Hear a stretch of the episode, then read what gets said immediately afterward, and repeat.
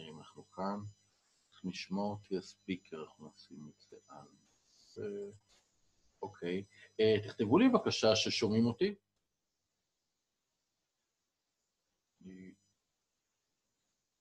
אוקיי. שומעים, יופי. יניב ויניב אומרים יניב, יונתן יום שומעים, הילד שומעים, בוקר טוב. טוב, נקדים אתכם, אני הרגע, ממש לפני דקה, סיימתי שיחה עם, אה, עם סלקום, כי פתאום אין לי אינטרנט, אין אינטרנט בבית, אה, והייתי צריך לעשות פה התאמות.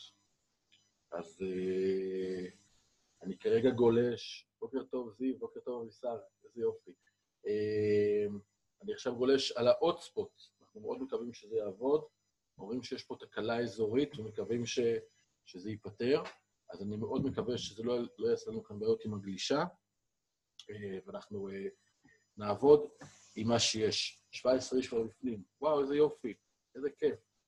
אה, טוב, אני פותח את המצגת. איזה מוזר זה, אתם יודעים, זה ממש, אני לפני רבע, חצי שעה בא להתארגן, רציתי לעשות בדיקת קווים עם דניאל, ו... ואני בא לי לאינטרנט, ואין. התקשרתי לסלקום, יאמר זכותם שהם ענו בתוך שש דקות, ו... ואומרים לי שהם מתחילים לטפל בדבר, ואני אומר לה, הכל בסדר, אבל נרשמו 80 איש לשיעור הזה, את יודעת, אנחנו צריכים להתחיל בעוד חצי שעה. והגענו לרגע האחרון, ומסתבר שיש תקלה אזורית, אז הרחיבה לי פה את החבילה. בקיצור, אתם יודעים, זה רגע לפני שיעור, ויש... התכוננתי לשיעור, אני מתרגש לקראת השיעור, אז אה, זה היה ככה מוזר, אז אני רגע ככה אסדיר את הנשימה, למרות שידעתי שהכל יהיה בסדר, כי יש את האוטספוט, אה, אבל בכל זאת זה היה, זה היה שלב כזה אה, מוזר. אז טוב, אני אעלה עכשיו את המצגת, כי לא יכולתי להתארגן כמו שצריך בזמן, אז אני עכשיו נעלה את הכל. ככה.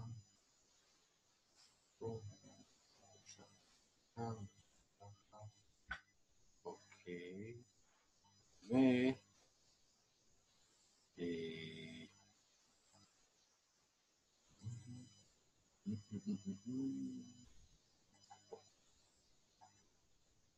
שר 21 איש כבר, יופי. מצגת, הרחב.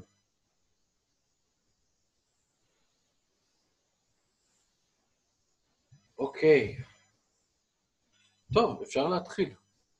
Uh, אני מזכיר את הבקשה לכללים, אני אזכיר את זה תוך כדי הצטרפו עוד אנשים, בטח, אז אני אזכיר את זה אחרי זה עוד פעם. Uh, הצ'אט מבורך, כמה שיותר להשתמש. אה, רגע, לא מצלמה נכונה. רגע, רגע, רגע, רגע. שנייה, שנייה. זו המצלמה הנכונה. אוקיי, כן, זו המצלמה הנכונה. אוקיי. אמ, אז הצ'אט הוא קיים, אפשר להשתמש בו כמה שיותר, מומלץ, אה, מבורך, אה, חופשי. אה, אני פחות אנסה, אני, אני מתייחס לצ'אט, אבל מבחינתי הוא חלק מתוך הדיאלוג, אבל אם יש מישהו שאלה, אז אני אשמח אם תכתבו אותה ב-Q&A. יהיה הרבה יותר קל לראות שם את הדברים. אה, כן, אתן מבקשת, שומעים אותי עכשיו יותר טוב? אם זה עוזר, אז זה חשוב. אנחנו מחר וגם הכל מוקלט, אז, אה, אז חשוב שבאמת הכל יהיה מובן, ורק נקווה שגם עם האינטרנט הכל יעבוד פה כמו שצריך. אז אה, אמרתי בצ'אט, כמה שפחות, או חופשי, עוד טיפה, אני כבר אהיה כבר ככה, זה כבר יהיה לי... כבר קשה מדי. אמ, אה, אז בצ'אט אפשר להתכתב גם ביניכם תוך כדי, זה נפלא. אה, Q&A, שאלות ותשובות, ואני, אה, אם אתם כותבים הודעות בצ'אטים, לזכור לכתוב את ההודעות לכל פאנליסט and attenders, לכולם, כדי שכולם יוכלו לראות את זה, אלא אם כן אתם רוצים לכתוב רק משהו לי, ואז תכתבו לי משהו אישי, אמ, וזה הכול. טוב, אז אני מעלה את זה. פה רואים. התחלנו. וואו. טוב, אז, אה, אז השיעור השלישי, אה, אני תוך כדי גם כן קצת לומד פה את כל הדבר, באתי ככה היום שאני יודע איך להתארגן ושהכול יהיה ממוכן, ואז בא עם האינטרנט, אבל אני חושב שלאט לאט אנחנו משתלטים, ואפשר באמת לעשות פה משהו מדהים.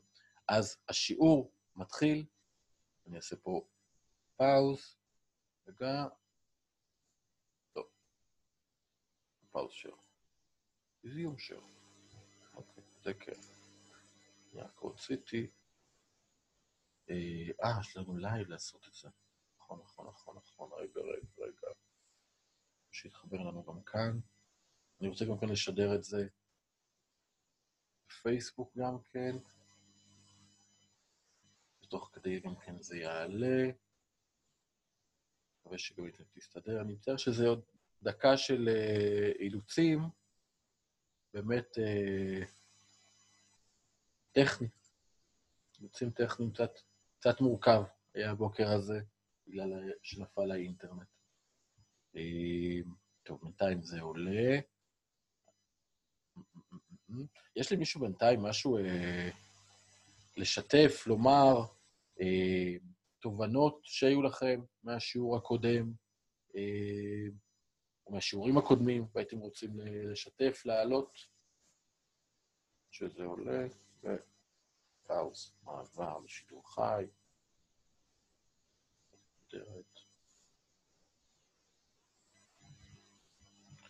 אישור בסיסי, שלוש. יופי, אני מעלה את זה עכשיו גם כן לפייסבוק, אז...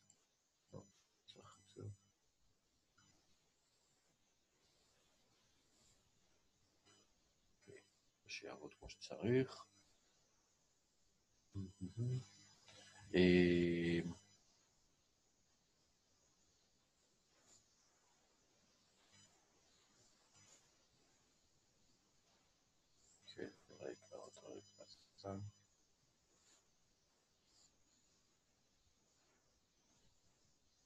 אוקיי, לא שידור חי. אוקיי, שומעים אותי עכשיו גם בפייסבוק, רואים את זה גם כן?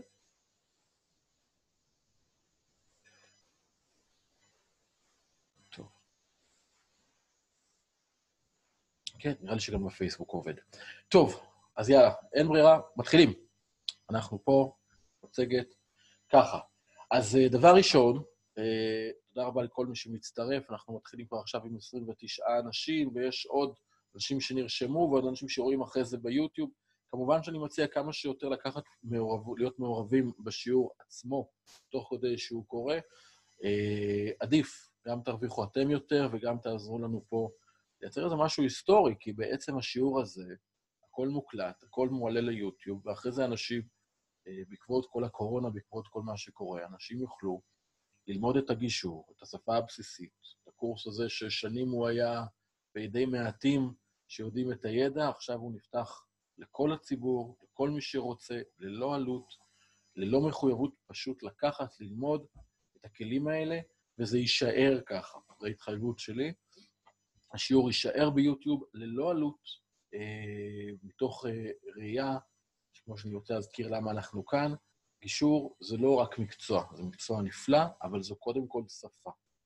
שכמה שיותר אנשים ידברו את השפה הזאת, א', להם יהיה הרבה יותר טוב, ואז גם לבני המשפחה שלהם יהיה הרבה יותר טוב, והם יעבירו את זה לחברים שלהם, שגם להם יהיה הרבה יותר טוב, כי אנחנו יצור חברתי. אנחנו רואים את זה עכשיו בסגר הזה, כמה קשה לנו, זה שאי אפשר להגיד שלום לאנשים, שאי אפשר לחבק אנשים שאנחנו אוהבים, אנחנו מאוד צריכים את החברה הזאת, והגישור זה איזשהו כלי לייצר איזושהי זרימה הרבה יותר טובה בתוך הדיאלוג בין האנשים. אלה כלים מאוד פרקטיים, מאוד מעשיים.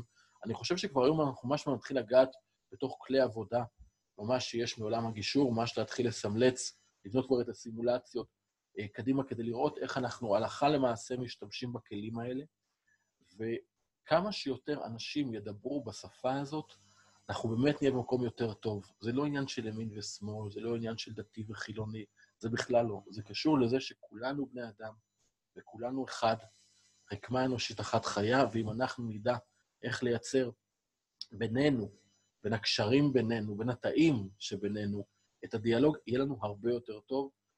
וכמובן שאני גם חושב שככל שאנשים יהיו מודעים לאופציה הזו של גישור ככלי, כלי מקצועי לפתרון מחלוקות, כך גם תהיה יותר עבודה בתחום הגישור. זה האינטרס כאן, אנחנו רוצים שאנשים יכירו את הגישור, ידברו את השפה וידעו שאם כבר יש מחלוקות, אנחנו לא רצים לבתי משפט, אנחנו לא רצים אה, לבוררים, אנחנו לא רצים להליכים שיקרים, אה, כואבים, שאף אחד לא יודע איך הם יסתיימו בסופו של דבר. אנחנו הולכים קודם כל לגישור, ואחרי שמנסים את הגישור, הולכים לדברים האחרים. אה, אז כמו שאמרתי, אנחנו רוצים לשנות את השיח, לייצר פה שיח הרבה יותר משתף, להטמיע את הגישור, ו, וזו הפנטזיה שלי, מאחר והקורס הזה הוא, הוא כל מה שצריך היום כדי להיות מגשר בישראל, שזה דבר מבחינתי שהוא בלתי נתפס. הקורס הזה הוא קורס מבוא. נכון, זה הקורס שכולם מלמדים, וזה מה שאומרים כדי שצריך להיות מגשר, אבל זה קורס מבוא. הוא נכתב כקורס מבוא, שהביא אותו לארץ, יורם אלרועי, האיש והאגדה, כתב אותו כקורס מבוא, אה, ואני מציע כך להתייחס אליו. מי שרוצה אחר כך לעבוד כמגשר, צריך עוד הרבה מאוד ידע, עוד הרבה מאוד ניסיון, עוד הרבה מאוד פרקטיקה.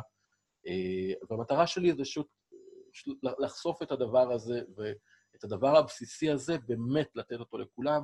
מי שאחרי זה רוצה לעסוק בתחום הגישור, אה, ייקח על עצמו את האחריות ללמוד, לקבל, להתמחות, לעבור את הניסיון והסטאז', סטאז' שנדרש, ומשם לעוף קדימה. אז זו הסיבה למה אנחנו עושים את הקורס הזה. אה, איתי דניאל אה, ארוש, שלא נמצא כאן פיזי איתי, אבל עוזר לי בכל הדרך, מה שותף לדרך, שאני מאוד מעריך ורוצה פה גם כן להודות לו. אה, גם על השיח, גם על הפינג פונג, לא הייתי יכול לעשות את זה לבד. גם נוגה, שנמצאת פה מאחורה ותומכת ועוזרת, וגם איה, שתומכת ועוזרת עם המצגת. אז כל האלה שנמצאים פה מאחוריי, אז אני מאוד מודה, מאוד מעריך, ורוצה לומר תודה. אנחנו מתחילים עכשיו בשיעור. טוב, אני חוזר לשקף האחרון. לא, אנחנו לא רצינו ככה, אני רציתי... למה יצאתי מזה? אוי, התבלבלתי. רגע, סליחה. שר. זה גם אני צריך... אוקיי. אז טוב, היינו בשקף הקודם, דיברנו על הבטנה. בשיעור הקודם סיימנו בלדבר על בטנה, שזה ה-Best Alternative to Negotiation Agreement. בעצם מה האופציה האחרת שיש לי, היותר טובה, אם אני לא מצליח להגיע להסכם, שזה כל צד צריך תמיד לדעת במשא ומתן מהי הבטנה שלו. לא משנה אה, אם זה משא ומתן גלוי או סמוי, אם אנחנו יודעים שאנחנו באים למשא ומתן או לא, תמיד אנחנו צריכים, כשאנחנו באים למערכת של תן וקח אה, עם אדם אחר, צריך לדעת מה הבטנה שלנו. זה גם עם הזוגיות שלנו, זה גם בעבודה, זה גם עם מוכר בסופר, ובכל מקום צריך לדעת מה האופציה הבאה, אם אני לא מגיע פה להסכם. אה, ולזכור שיכול להיות שהצדדים, שלפעמים לא צריך להגיע להסכם. לא כל משא ומתן חייב להסתיים בהסכם. אם האופציה עבורי היא פחות טובה במשא ומתן, אז אני עדיף להיות במשא ומתן עם מישהו אחר, או שלהישאר כמו שאני עכשיו. לא כל משא ומתן חייב להסתיים בהסכם, כי אם אנחנו נחשוב ככה, אנחנו בעצם עלולים להיכשל, או לחשוב שנכשלנו בתוך הליך גישור, אבל לא באמת נכשלנו, בעצם הצלחנו. גרמנו לצדדים להבין שעדיף להם לא לשתף פעולה, וגם זו תובנה שהיא בסדר גמור. אה, יכול להיות שיש תהליך שמישהו מעדיף תהליך ארוך ולא להגיע להסכמה. צריך לשים לב לזה. פה אנחנו נכנסים כבר גם לתוך התהליכים עצמם, אה, כדי לוודא באמת שאנחנו מתנהלים בצורה, אה, מנהלים תהליך בצורה נכונה, ולא כי... אה, ולא רק לפי איזו מתודה שאנחנו ככה נלמד, אלא באמת לשים לב שלפעמים לאנשים יש אינטרסים שונים, אבל אתם יודעים, פה אני נכנס לתוך האינטרסים, אז אני אקפוץ. עוד נתון שחשבתי להכיר לכם, זה גם הוואטנה. הוואטנה זה האחות החורגת של הבטנה, שזה ה-Worst Alternative to Negotiation Agreement. מהי החלופה הגרועה ביותר שיש לצדדים למקרה שהמשא ומתן ייכשל. למשל, בהליכי גירושין, אנחנו מבינים שאם הצדדים לא יגיעו להסכם בעצמם, אבל התוצאה היא שיחליטו עבורם מישהו אחר, ילמד אותם איך להיות הורים, שזה דבר איום ונורא, אני בטוח. אמ, ולכן, אה, אנחנו צריכים גם כן להכיר מהי הוואטנה, מה יקרה אם המשא ומתן לא יצליח. יש כל מיני מקרים שזה או שאני ואתה נצעד יד ביד, או ששנינו נהיה תלויים על העץ. אנחנו צריכים להבין את הדבר הזה, כי לפעמים, כמו ששמו, שדיברה איתי אתמול גברת, אה, נשמעת מאוד נחמדה, אבל היא אמרה דברים מאוד קשים אה, על, ה, על תהליך גישור, היא התקשרה להתייעץ, ובעצם היא שאלה אותי איך היא יכולה בעצם להתאלמן ולא להתגרש. כך היה השיח, אני לא רוצה שהוא יהיה בחיי, אני רוצה שהוא ייעלם, אני לא רוצה שהוא יהיה קיים. עכשיו, אני יכול להבין, הרבה פעמים בתוך הלחץ הזה של הליך גירושין, שזה ממש הליך אבלות, אנשים מאוד רוצים להתנתק ולהתרחק, אה, ולדמיין שהצד השני בכלל לא שם, אבל זה בלתי אפשרי, ו- וכל מי שעוסק בתחום יכול גם להגיד לכם שמה שקורה עכשיו, הסגר הזה, המתחים בבית, מעציפים את כל המתחים האלה לגמרי, ואז אנשים מתחילים לראות את האופציות של אולי אם הוא לא יהיה, יהיה יותר קל, אבל זו האופציה יותר גרועה, כי אז בעצם אה, התנתקות מהורה, ניכור הורי, פגיעה בהורה אחר, היא כמובן מייצרת נזק אדיר לילדים, ומכניסים את המשפחה לסחרור שמאוד מאוד קשה לצאת איתו ממנו, אז זה הוואטנה בהליכי גירושין. לכל אחד גם יש את הוואטנה שלו בכל סיטואציה. אה, יש לי איזה סרטון חמוד שרציתי להראות לכם, אה, משהו בצ'אט. הכתוב על המסך נראה מטושטש. אה, זה מצגת רגילה דרורה, אז יכול להיות שזה פה אצלך. לי אין איך הוא כרגע לשפר את זה. טוב, ובכל מקרה, אני מזכיר, אחרי זה המצגת תעלה גם לאתר, ניתן אחרי זה להוריד אותה, ניתן להשתמש בה, אני אשמח שאחרי זה אנשים אחרים יעבירו את הקורס הזה גם הלאה, אה, וזה גם יעלה ליוטיוב. אז כל מה שיהיה חסר, יהיה ניתן להשלים אחר כך. אה, טוב, אני עובר לסרטון, בואו רק נראה שאתם שומעים כמו שצריך. התחיל.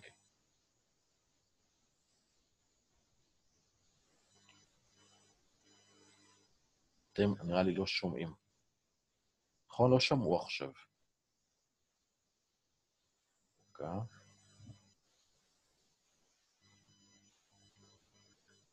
דפנה הרימה את הכל. אוקיי, רק רגע. תראו טוב, יופי, תודה. רגע, נראה לי פה נסדר את זה. אה, פה הייתה בעיה. JBL. אוקיי, עכשיו צריכים לשמוע את זה. עכשיו זה אמור לעבוד. אוקיי? ו...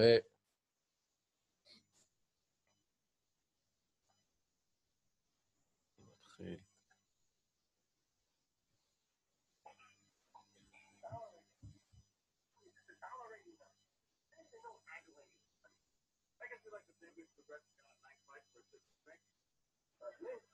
זיום.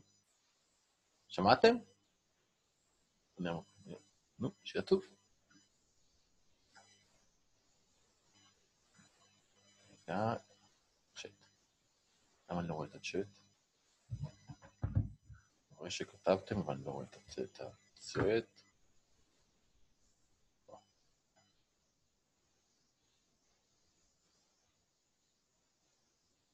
אוי, לא שמעתם טוב. Hmm. הווליום, לא סיינפלד. כנ"ל, אוקיי. אז רגע, בואו נעשה עוד פעם. אוקיי, רגע. נעשה משהו אחר, סליחה.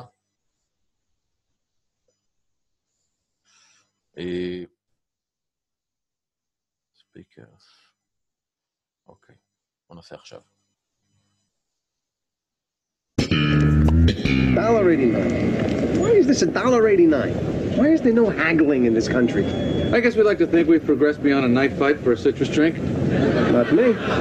Everything should be טוב, אז זה היה בטנה ובטנה. הם יכלו אה, לקנות, המוכר, היה לו את האפשרות למכור להם, הוא אמר, לא, סליחה, אבל המחיר הזה הוא זול מדי, לך מפה. הוא אמר, לא, אז אני אחזור בעוד שבוע. לא, אז זה בסדר, זה, זה יותר טוב לי. משא ומתן קצ... פשוט, קצר, אה, דוגמה קלאסית לחיים, סיינפלד עשו את זה בצורה מדהימה. אנחנו נחזור אליהם היום, כי מצאתי כמה דברים באמת אה, מגניבים של משא ומתן של... אה, אה, באיך ש- שסיינפלד מתייחס לזה. טוב, עוד כמה נקודות על הסכם שאנחנו צריכים להכיר אותם. לפני שאנחנו נכנסים לתוך משא ומתן, אנחנו צריכים לדעת האם ההסכם שאנחנו רוצים להוציא מהגישור, האם הוא צריך אישור רשמי. אה, יש מה שנקרא חוק חופש החוזים. מה זה אומר? זה בגדול אומר שלכל אדם מותר לעשות כל הסכם אה, שהוא רוצה עם כל אדם, ובלבד שההסכם הוא לא, הוא לא פוגע באדם אחר בצורה פלילית, או שיש בו הפרה של חוק, אבל מותר לכם לעשות כל הסכם אה, ולהעלות אותו על הכתב ולחתום עליו, והוא יהיה תקף. מה זה אומר? זה אומר שאם עכשיו אנחנו עושים בינינו הסכם שאומר שאני נותן לכם את השיעור הזה בחינם, אז הנה, יש פה התחייבות שלי, ואם עכשיו אני אבקש מכם אה, לשלם על זה כסף לצורך העניין, אז, אז זה לא יקרה, אני כמובן לא עושה את זה. יש פה הסכם, הוא גם בעל פה, והוא מקובל, והוא גם מתועד, אה, ולא צריך ללכת עכשיו לבית המשפט כדי לתת להסכם הזה בינינו פה אה, פסק דין. לא צריך. אבל יש הסכמים שכן, שצריך לתת להם תוקף של פסק דין. אה, הסכמי גירושין, למשל. הסכם גירושין שלא קיבל תוקף מבית משפט או בית דין רבני, הוא לא נחשב, הוא נחשב לכמו הסכם ג'נטלמני. ההיגיון מאחורי זה, זה שבאמת למדינה חשוב לוודא שהילדים לא נפגעו, שתהליכי הגירושין לא נעשו בכפייה, אה, ולכן לכן המדינה חייבת לאשר את זה. אה, יש הסכם, הסכם בנדל"ן, זה סעיף 8 לחוק המקרקעין, יגיד לכם כל עורך דין או כל סטודנט למשפטים, אומר שכל עסקה במקרקעין, בקרקע, בשטח, נדל"ן, דירות מגורים, חייבת להיות בכתב. מה זה אומר? זה אומר שאם אנחנו חתמנו על... אה, אה, לחצנו יד ואמרנו, אני מעביר לך את הבעלות על הדירה שלי, אבל לא כתבנו את זה, אין לזה תוקף. זה גם דבר שאנחנו צריכים להכיר.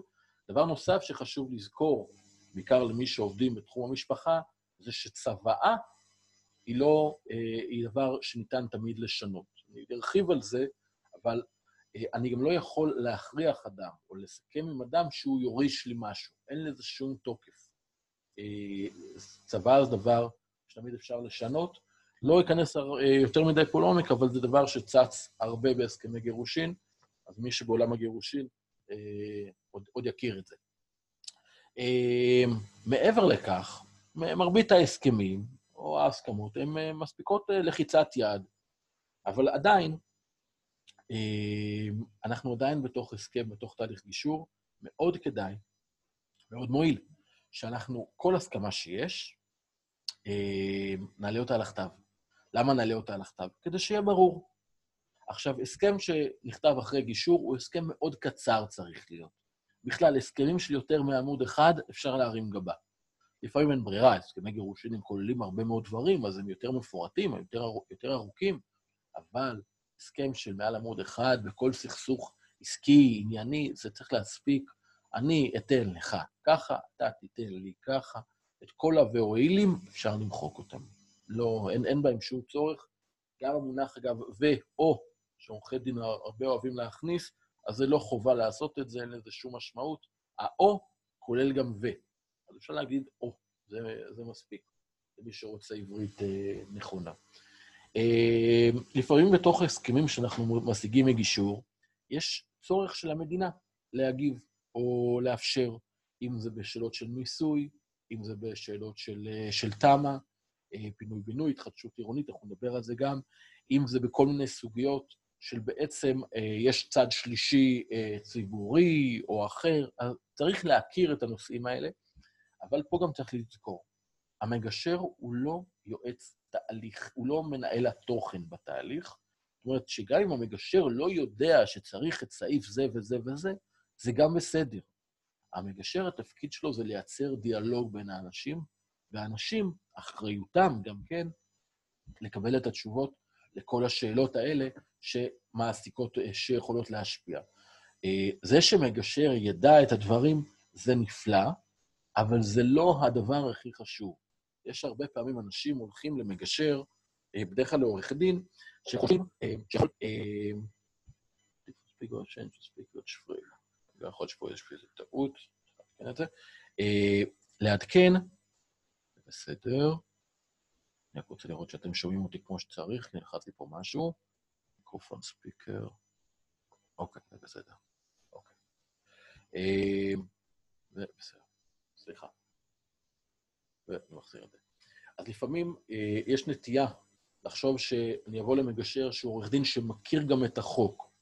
עכשיו, יכול להיות שההיכרות היא לא רעה, אני לא חושב שידע זה רע, להפך, כמה שיש לנו יותר ידע, יותר טוב. אבל המומחיות של המגשר צריכה להיות בעיקר על ניהול התהליך, לא על הידע. אם אתם באים למגשר שייתן לכם ידע, אז הוא יעשה את תפקידו לא נכון, כי הוא לא צריך, הוא צריך לעזור לכם לקבל את הידע. עכשיו, אם זה ידע אובייקטיבי, אין בעיה שיהיה לו אותו. אבל רוב הידע הוא לא אובייקטיבי, הוא סובייקטיבי. מה זה אומר? כמו שדיברנו בהליכים משפטיים, כל אחד יכול לשמוע את מה שהוא רוצה לשמוע, כי לכל מטבע יש לפחות שני צדדים, בעולם המשפט גם יש לפעמים גם ארבע. ארבע פאות לכל מטבע.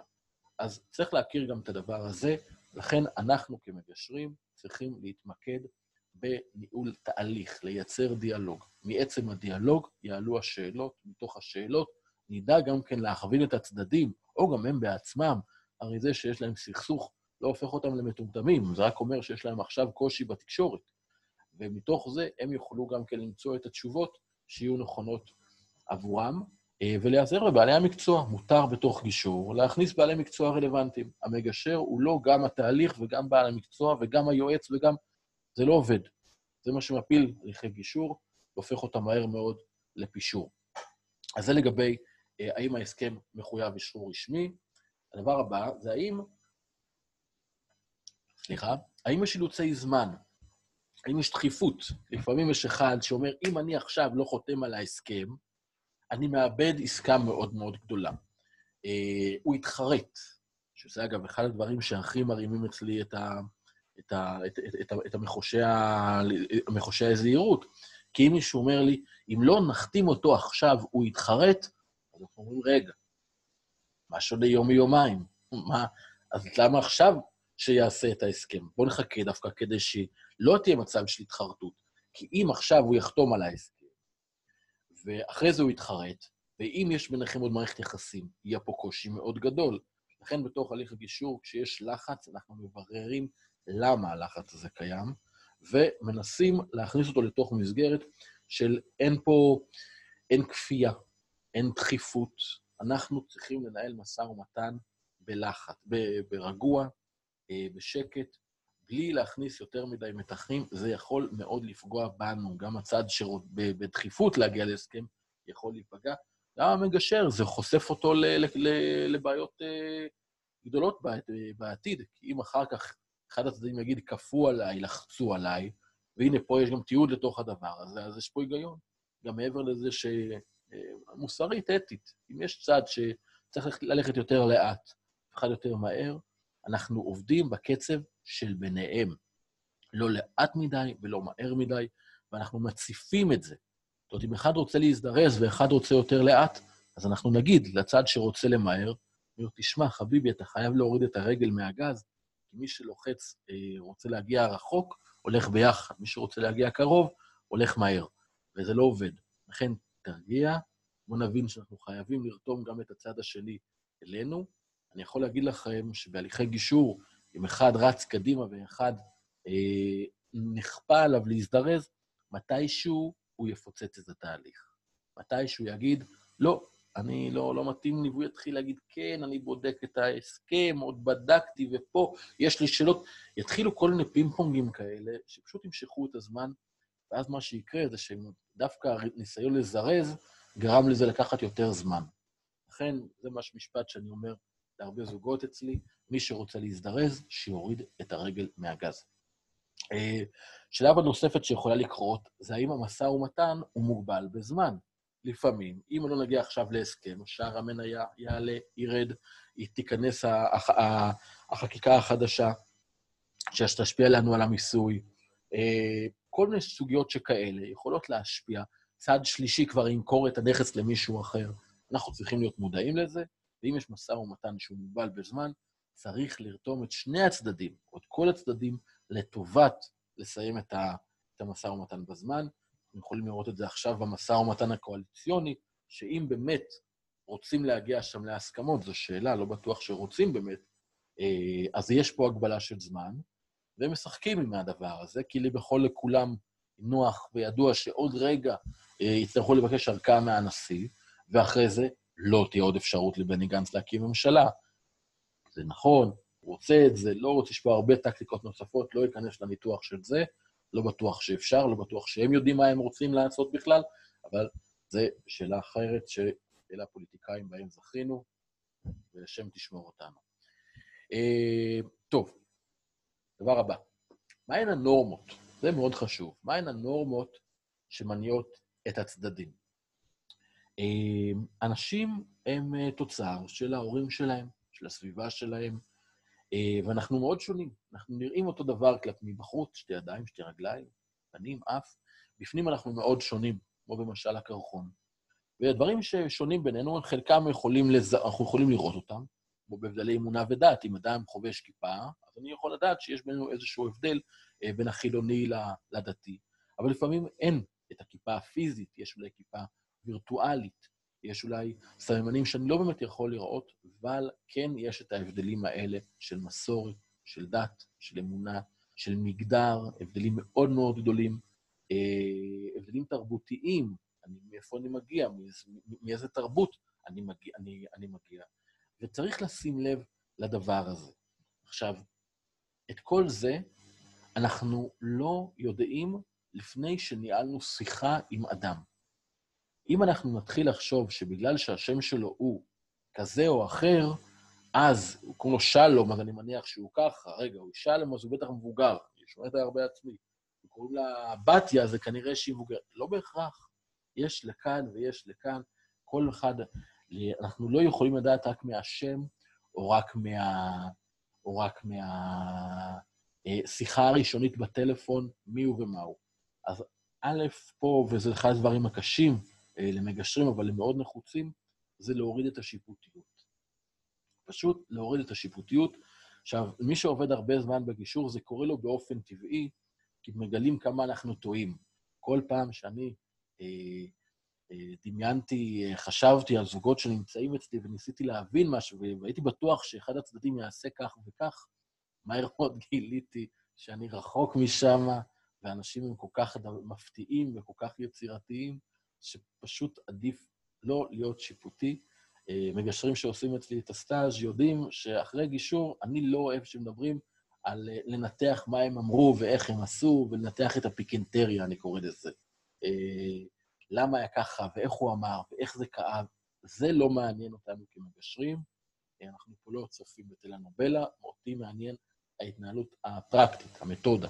איך הדברים עברו, השאלות ששאלנו, הדיאלוג שהיה בינינו כמגשרים, פה זה מה שאני בוחן בתוך, הג... בתוך הגישור.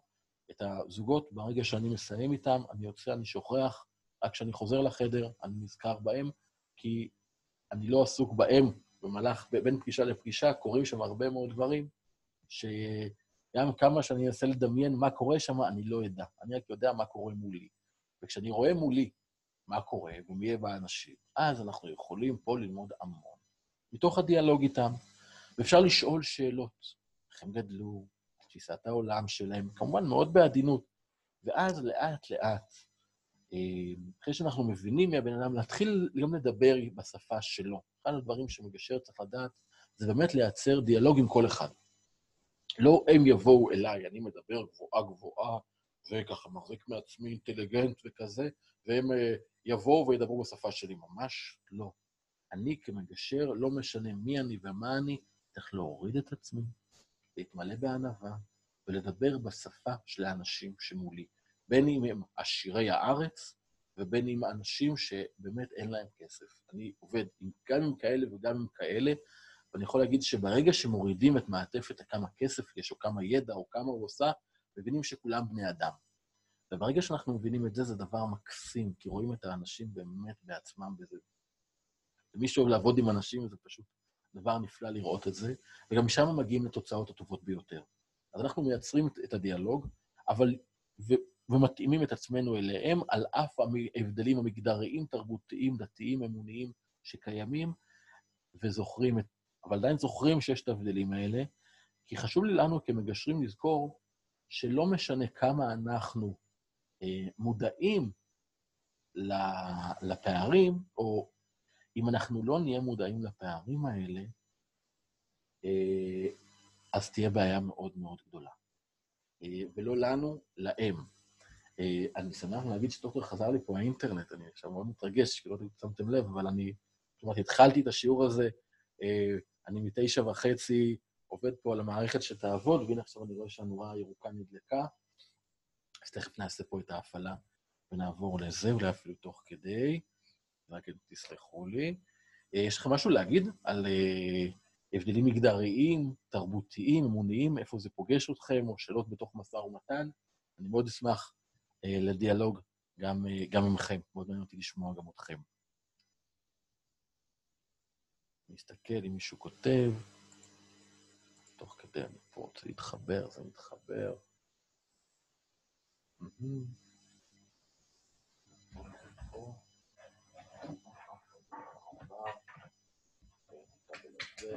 ככה. נראה שעובד לי. רק עוד רגע. מזהה. שלבים מרגשים. תהליך תוך כדי שהוא פה.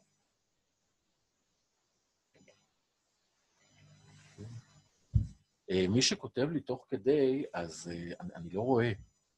אה, למה אין אינטרנט? יש שם שלי, למה? יש. הנה, יש. אפשר להוריד את האוטספוט. יופי, נראה שזה מחובר. אני מאוד מקווה שזה ישתף, שאתם תראו גם את זה עכשיו יותר טוב, שתשמעו גם את האינטרנט יותר טוב. Uh, we are back in business, כמו שאומרים. כן, מישהו הרים את היד. מי הרים את היד? איפה אני רואה את זה? חזרה התקשורת. הנה, עכשיו חזרה התקשורת המעולה. יופי, אריה אומר, מעולה. אז הנה, באמת חזרה, חזר האינטרנט, אה, הכל בסדר. יש למישהו משהו להוסיף לגבי הבדלים מגדריים? סממנים פסיכולוגיים רגשיים, איך אז המגשר יודע לפעול שאינו יכול להיות אבחון? אוי, זו שאלה נפלאה. אוי, זיווה, תודה. אה, טוב, אנחנו נדבר עוד על ההבדל בין גישור לבין טיפול. אה, אתם יודעים, אנחנו נדבר על זה עוד, עוד הרבה. אה, כן, אני... זו שאלה שהיא מאוד, מאוד, מאוד אטרקטיבית בעיניי. בואו נגדיר את זה רגע כ, ככלל אצבע מאוד מאוד חשוב. כדי להיות פסיכולוג, אדם לומד שבע שנים. שבע שנים.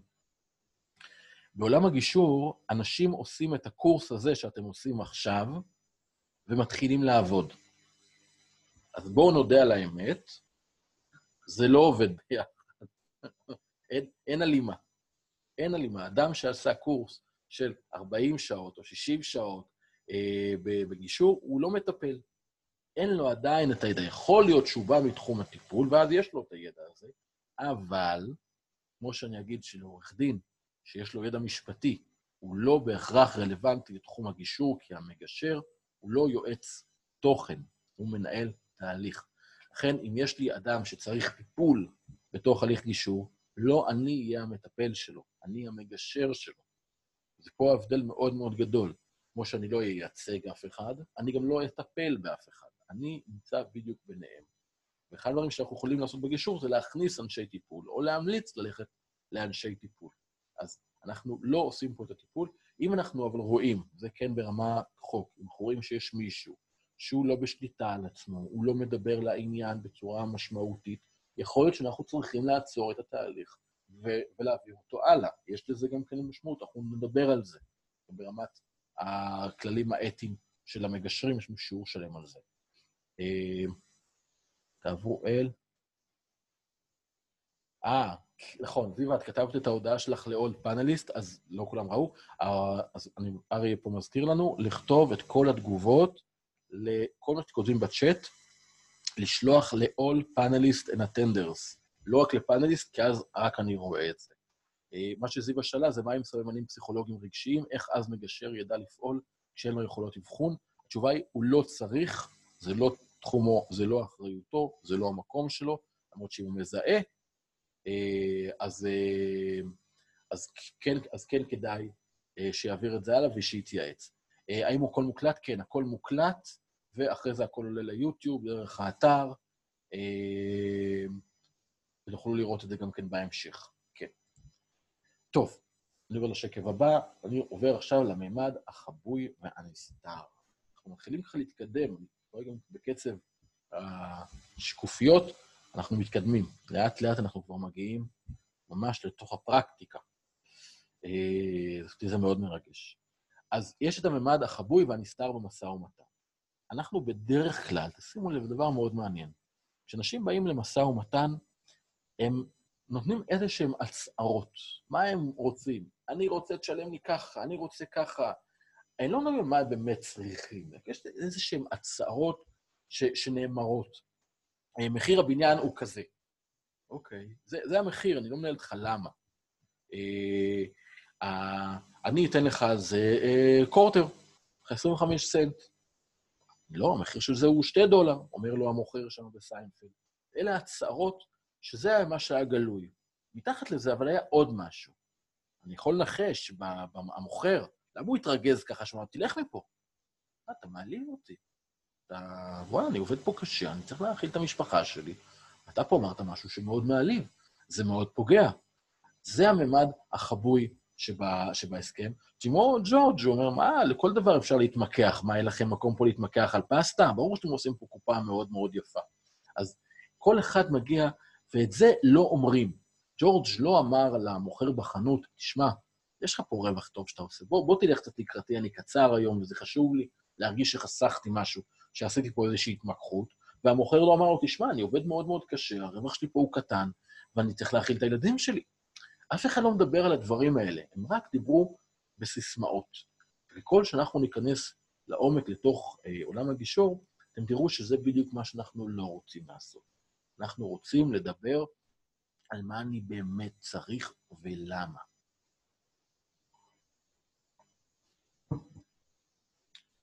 אסטרטגיה קשה, אסטרטגיה קלה.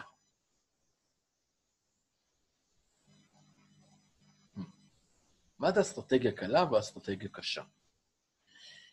יש פה שני סוגים. אם אני צריך לקפוץ לשקף הזה. אסטרטגיה קשה זה כשהנושא הוא נותן, אה, הנושא והנותן, הנוקשה, רואה כל סיטואציה כמאבק בין רצונות, מאבק המעניק לצד יתרון לצד שינקוט את העמדה הקיצונית ביותר ויעמוד על שלו ביתר תוקף. הוא רוצה לזכות, אבל לעיתים קרובות הוא מעורר בצד השני תגובה נוקשה לא פחות, תגובה המתישה אותו ואת משאביו, ומזיקה ליחסים בינו לבין הצד השני. זה אביו של המשא ומתן התחרותי. אני עומד מולך, קשוח, לא זז, אני לא רוצה שאתה תראה אותי ברכות שלי. עזוב, נעשה את ההסכם, תראה שנהיה חבר מאוד טוב שלך. עד שאין הסכם, אנחנו אויבים, ככה אני רואה אותך.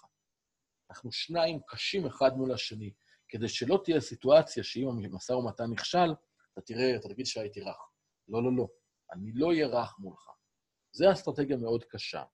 אסטרטגיה רכה, זה שמישהו אומר, אני לא רוצה להימנע מסכסוך, אז אני, אז אני אוותר בקלות. עזוב, אני רוצה שרק יהיה נעים, אני לא רוצה, לא רוצה להתעסק מולך, אני, אני... בוא, עזוב, אני, אני מכיר את מקומי, לא, אני לא, אני, אני מתרחק מעימותים, לא, לא בא לי להתעמת איתך. אז אלה שני הקיצונים, אלה שאני איאבק בכל דבר, לא משנה מה, האנטי לכל דבר. אני עומד, נאבק על דעתי ולא יזוז ואף אחד לא יכופף אותי, לבין אלה הרכים.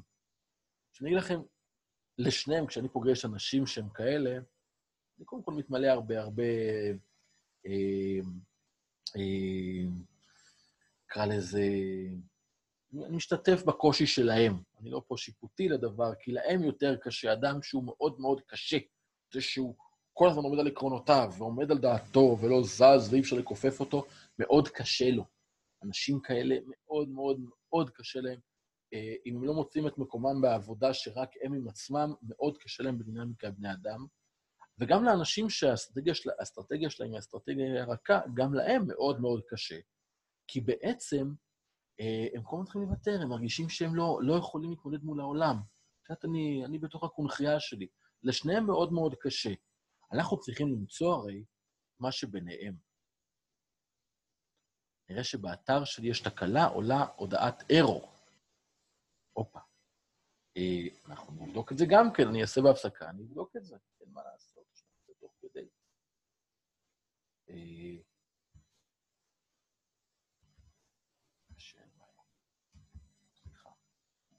טוב, ד- אה, דניאל, אם תוכל אה, פשוט לעזור לי בזה, זה יהיה נפלא, אני לא אמשיך בשביל זה.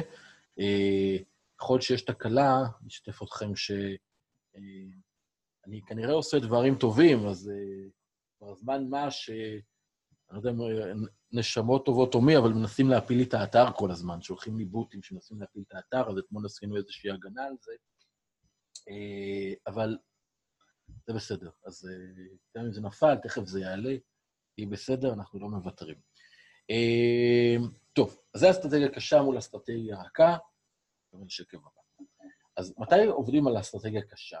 אחת הנפוצות. אסטרטגיה קשה היא נכונה כשיש הקצנה. היא לא נכונה, סליחה. מתי היא קורית? כשיש הקצנה. ככל שאני מקצין יותר, אני מקבל את מבוקשי. אני לא חושב על צרכי הצד השני. זה משא ומתן תחרותי קלאסי.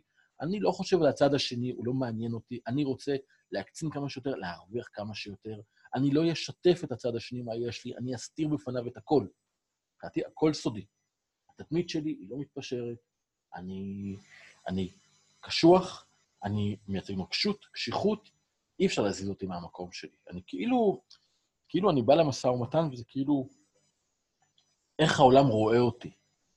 מישהו אמר לי לא מזמן, אה, ככה, אני ראש קשה. עכשיו, מישהו אומר משפט כזה, והוא אומר את זה בהקשר מאוד קשה, מאוד בעייתי. אה, ואני אומר, "א- איזה קשה לך?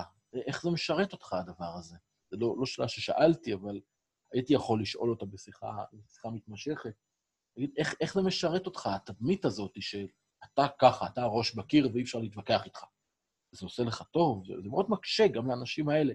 אז צריך לזכור שגם אם מישהו נשמע מאוד מאוד חזק כשהוא אומר את זה, צריך, צריך הרבה... אה, להבין שיש לו קושי גדול. לא הייתי אומר לרחם עליו, אבל כן להבין שיש לו שם אה, תסכול רב והרבה מאוד קושי, ו... ולק... ולקחת את זה בחשבון, ואז אולי לנו יותר קל גם כן להתמודד איתו. אה, כותב נדב, אה, לצערי מרגיש שרוב עורכי הדין לוקחים לקוחות למקום הזה, בעיקר בגירושין. תראה, זה נכון. הרי כל עולם המשפט, תודה, על האמירה הזאת באמת, עולם המשפט, תפקידו בהגדרתו הוא להקצין עמדות. אנחנו נבוא, כל אחד יחדד את המחלוקת מהזווית שלו, יראה איפה הוא יותר קשה ויותר חזק, ואז נבוא לשופט, לאדם אחר שיחליט עבורנו. ואז כביכול, אחרי שה... הנה, המשא ומתן הסתיים בפסיקה של אדם אחר, ואז הנה עכשיו בוא נהיה חבר, חברים. אבל זה בלתי אפשרי, הרי בתוך התהליך הזה קרו דברים איומים ונוראים. פגעת בי, אמרת לי דברים נוראים, אמרת שאני אימא נוראית, אמרת שאני אב נוראי. איך אחרי זה אנחנו יכולים להסתדר בינינו? אז נכון, עכשיו, זה לא אז עורכי הדין, צריך להגיד את זה, זה השיטה. השיטה המשפטית האדברסרית, הלוחמנית שלנו בישראל, היא כזו שמבקשת את זה. עכשיו, יש עורכי דין ישרים וטובים, שמבינים שמתעסקים פה בדיני נפשות, ולא עושים את זה. ואומרים לצדדים, אני לא לוקח אותך למשא ומתן כזה, אני מאמין אך ורק, אך ורק בתקשורת ודיאלוג בין ההורים. הבעיה היא שיש גם עורכי דין שאומרים, אם הלקוח רוצה למלחמה, והוא מוכן לשלם על זה, יאללה, ניתן בכל הכוח. אין לי מה לומר. זה הבחירה כמובן היא של הלקוח, אם אתה בוחר לשלם למישהו שיילחם באב או אם ילדיך ויורידו אותם מהדפר, זה אומר עליך הרבה מאוד דברים קודם כל, ואתה צריך לדעת לבחור נכון את, את, את, את עורך הדין. וכמובן שזה מה שהכי הייתי מצפה מהחברים, מהסביבה התומכת, שאם מישהו נקלע להליך גירושין, ומישהו, ובס, והוא שוקל בכלל להתחיל ללכת במלחמות האלה, אז שיבוא איזה חבר טוב ויגיד לו, וואו, חביבי, יקירתי, לא עושים דברים כאלה, זה איום ונורא. אז אני חושב שעורכי הדין עושים את עבודתם, אנחנו כחברה צריכים לדעת אה, לעצור את הדברים האלה מראש. אני גם לא, קשה לי, מה לעשות, החתול שומר על השמנת, אז עורכי דין הם האחרונים שעשו את השינוי הזה, אה, בגלל זה הוא צריך לבוא מלמטה. אה, מערכת היחסים, לא חשוב, מי שבמשא ומתן קשה, לא מעניין אותו מערכת היחסים, בהליכי גירושין אני מעדיפה להתאלמן, אני, שלא ייעלם, שלא יהיה קיים. הלוואי והוא לא היה פה, אני שומע את זה הרבה מאוד פעמים, אבל מה לעשות בגירושין? אי אפשר, למרות שנראה שאפשר, אבל אי אפשר, בסוף שני ההורים נשארים בחיים, טפו טפו טפו, וחייבים לשתף ביניהם פעולה. אה, אבל בתוך משא ומתן קשוח, כשזה משהו עסקי, אה, לא בהכרח שיש מערכת יחסים עתידית, ולאסטרטג, שמי שפועל במשא ומתן קשה, בכלל לא חשוב בעיניו. כן אגיד שיש כן משא ומתן, מקומות שיש בהם משא ומתן מאוד מאוד קשה, ושמתעלם כביכול לגמרי מכל פן המערכת היחסים, אבל מצליח להתגבר עליה, זה עולם הפוליטיקה. שימו לב את ליברמן, ביבי, אה, אור של פיל, אומרים דברים נוראים אחד על השני, שבעולם ה...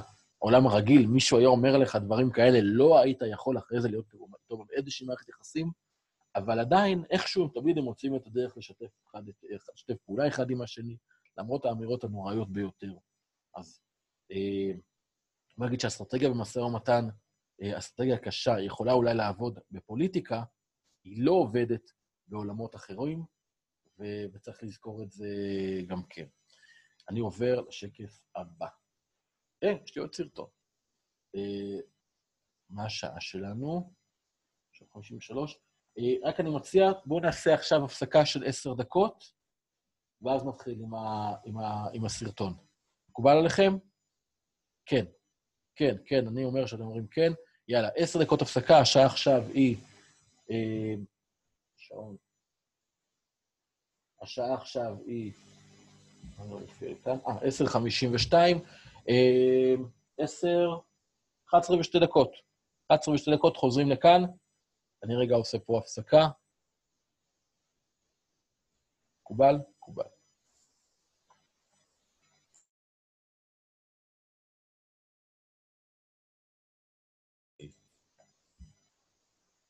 התארגנות של הבוקר המוזרה שהייתה כאן. אה, לא צריך, לא צריך, עבר לשידור חי. לא שידור חי. אוקיי, יש לנו שידור חי בפייסבוק גם כן, לעבוד, מיקרופון בסדר, אינטרנט בסדר. אנחנו ממשיכים בשיעור. אוקיי, אה, יש לי סרטון. אה, קצת על עוד סוג של משא ומתן אה, מעניין בחיים, שצריך, שבואו נדבר עליו, עם שיירינג. אני מדליק, תגדיל את זה פה. הופה. ו... וזה לכאן. פה פאוס. אוי, לא עכשיו. ונוכל להגיע אה, ל, ל, ל, ליעד שלנו, ונוכל להגיע אה, קדימה. אני עכשיו רואה לא הקלטתי עכשיו, אני עשיתי פה טעות, אז אני רק אחזור, אה, ברשותכם, לאלה שלא היו, ממש בקצרה, דיברתי על דילמת האסיר, אה, כתבתי שני שקפים אחורה, דיברתי עכשיו על ההבדל בין תפיסה קולקטיביסטית לאינדיבידואליסטית.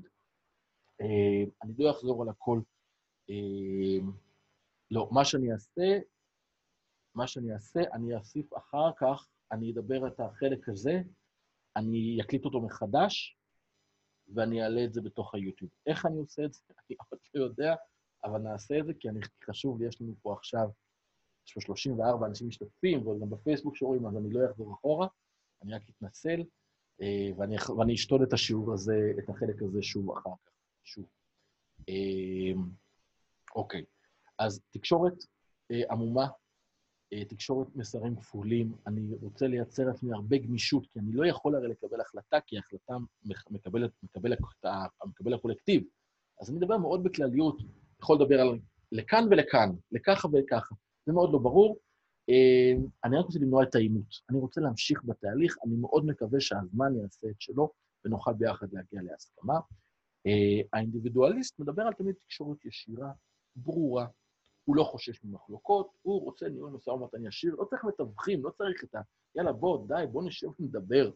קודם קופץ לי, אנחנו והפלסטינאים, זה בדיוק המקום הזה אה, בגישה. אני מדבר על התוכן, בתוך איך מנהלים משא ומתן, אנחנו לא מבינים אותם והם לא מבינים אותנו. אה, מגבולות המיקוח, לי מאוד חשוב כקולקטיב לשמור על כבוד ולשמור על התרבות שלי. אני מייצג פה תרבות. אני מגדיר את עצמי כחלק מתרבות. האינדיבידואליסט, שרואה את עצמו בתור האוטונומיה של ביתו, נשען על החוקים, חוקי המדינה שלו. לכן הוא נותן להם הרבה מאוד ערך. גם פה אנחנו בתוך החברה שלנו, מאוד, אה, שגם נחלקת.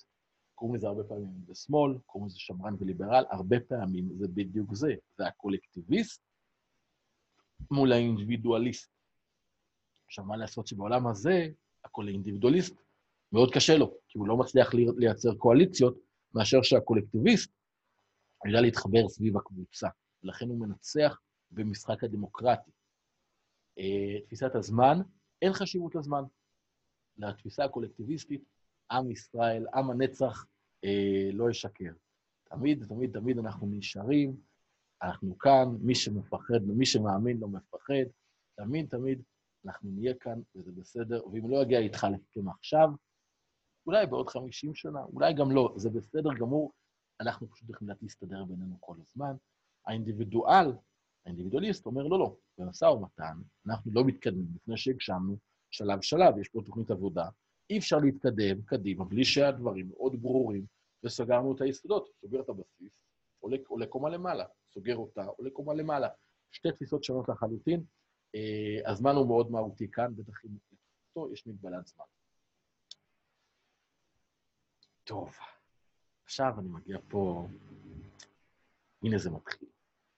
עד עכשיו דיברנו, לא מרגש אותי עכשיו מה שהולך לקרות עכשיו, כי עד עכשיו דיברנו על, אה, על, על בכלל משא ומתן, על אנשים, על הרגשות, על המשא ומתן המשתף, על המשא ומתן התחרותי. היו לנו כאן הרבה מאוד אה, אה, שיחות ונושאים שדיברנו על ממה אנשים מורכבים ומה מרכיב את המשא ומתן, ועכשיו אנחנו נכנסים כבר אה, לעובי הקורה.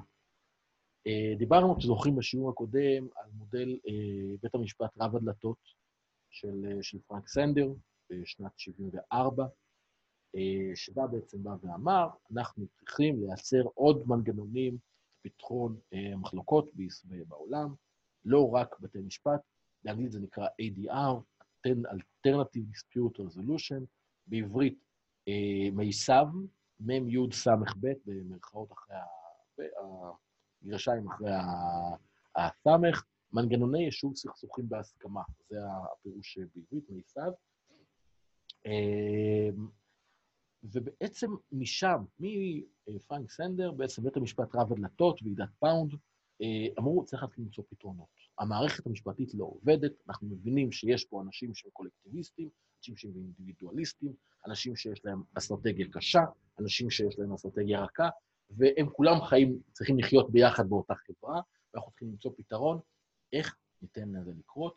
מתוך זה נוצר המודל האינטגרטיבי, המודל המשלב של יורי ופישר. שזה הספר Getting to Yes, הוא הסנונית הראשונה, בעצם הוא הביא את הגישור לעולם. אני שוב מציע לכולם לקרוא את הספר הזה. הספר, הקורס הזה בנוי באמת על, על הספר הזה, הרבה נלקח ממנו. אני מוסיף לקורס הזה הרבה מהפרקטיקה, כי הספר הזה כבר בן 40. אז העיקרון הוא מאוד נכון, בפרקטיקה קרו מאוד הרבה מאוד שינויים. אה, לצערי, עולם ההכשרה הרי נתקע, נתקע על משהו לפני 40 שנה, אה, פה אני מנסה לשפר את זה עם, ה, אה, עם, ה, עם הפרקטיקה של היום, מה שאני למדתי מניסיוני, אה, אבל הגישה, הבסיס עדיין קיים. אז קודם כל, מה יורי ופישר אומרים? הם אומרים, אנחנו צריכים לשלב בין הרגישה הרכה לקשה.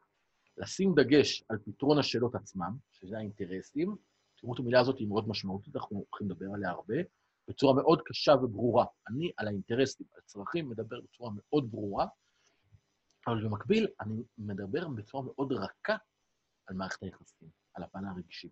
אני גם וגם.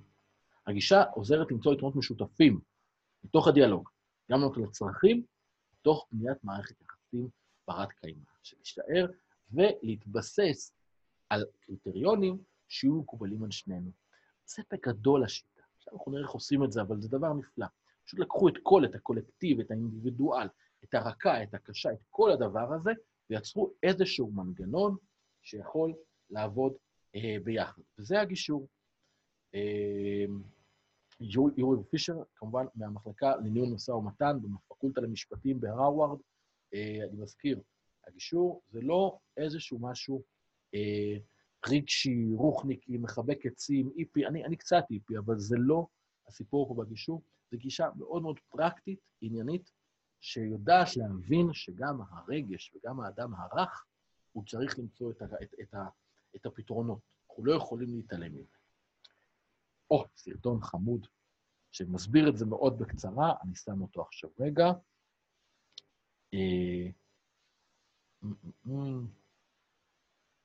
Pause, recording. אוקיי. יש פה משהו בצ'אט ויש פה ב-Q&A, נשאל איזה סרטון מקסים, נכון? מסביר את זה מאוד יפה. אני לא רואה את זה, צ'אט.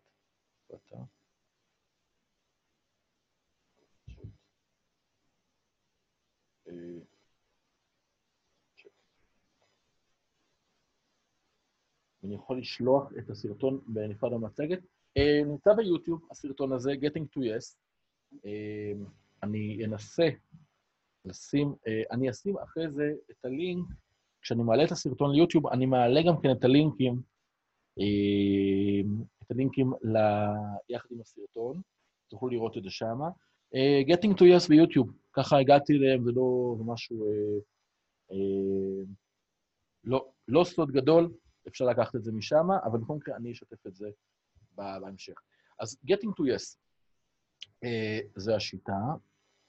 אנחנו בעצם מדברים, רגע, זה יותר קל לראות את זה, בואו נסדר את זה, אוקיי. אוקיי. רואים אותי?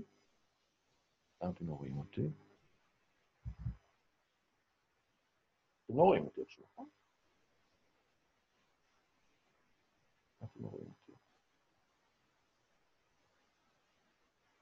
אתם רואים אותי עכשיו? רואים ושומעים, רואים חם קטן. אוקיי, מוזר, אני עצמי לא רואה פה. טוב, בסדר. מוזר כל הדבר הזה. טוב, אז בעצם, getting to yes, כל הגישה אומרת, אנחנו מחפשים מה משותף לאנשים, סליחה, מה כל אחד באמת רוצה, ואז זה מתחילים לייצר את הדיאלוג. לא מה הוא אמר בהתחלה, אלא מה הוא באמת רוצה, כמו דוגמת התפוח. התפוז זה משל ידוע, שתי אחיות רוצות, אה, רבות תפוזים, האבא מגיע, אה, מה לעשות? חותך באמצע, ואז שתיהן בוכות. אבל למה אתן בוכות? ואז מתוך הדיאלוג, מסתבר שאחת רוצה את הקליפה, לעשות מזה עוגיות, ואחד רוצה את המיץ, כדי לעשות מזה מיץ, את, ה, את הביפנוכו. זאת אומרת, היה אפשר לחלק את התפוז בצורה אחרת, שאם היינו מנהלים דיאלוג, להבין מה אתן רוצות, מה אתן רוצות באמת, היינו מגלות את, ה, את הדבר. אה, הנה, יניב שיתף פה את, את הסרטון, תודה רבה, יניב. אה, כולם מוזמנים, קחו, תפיצו, שתפו, ביוטיוב אז אפשר להפיץ את זה חופשי. אה,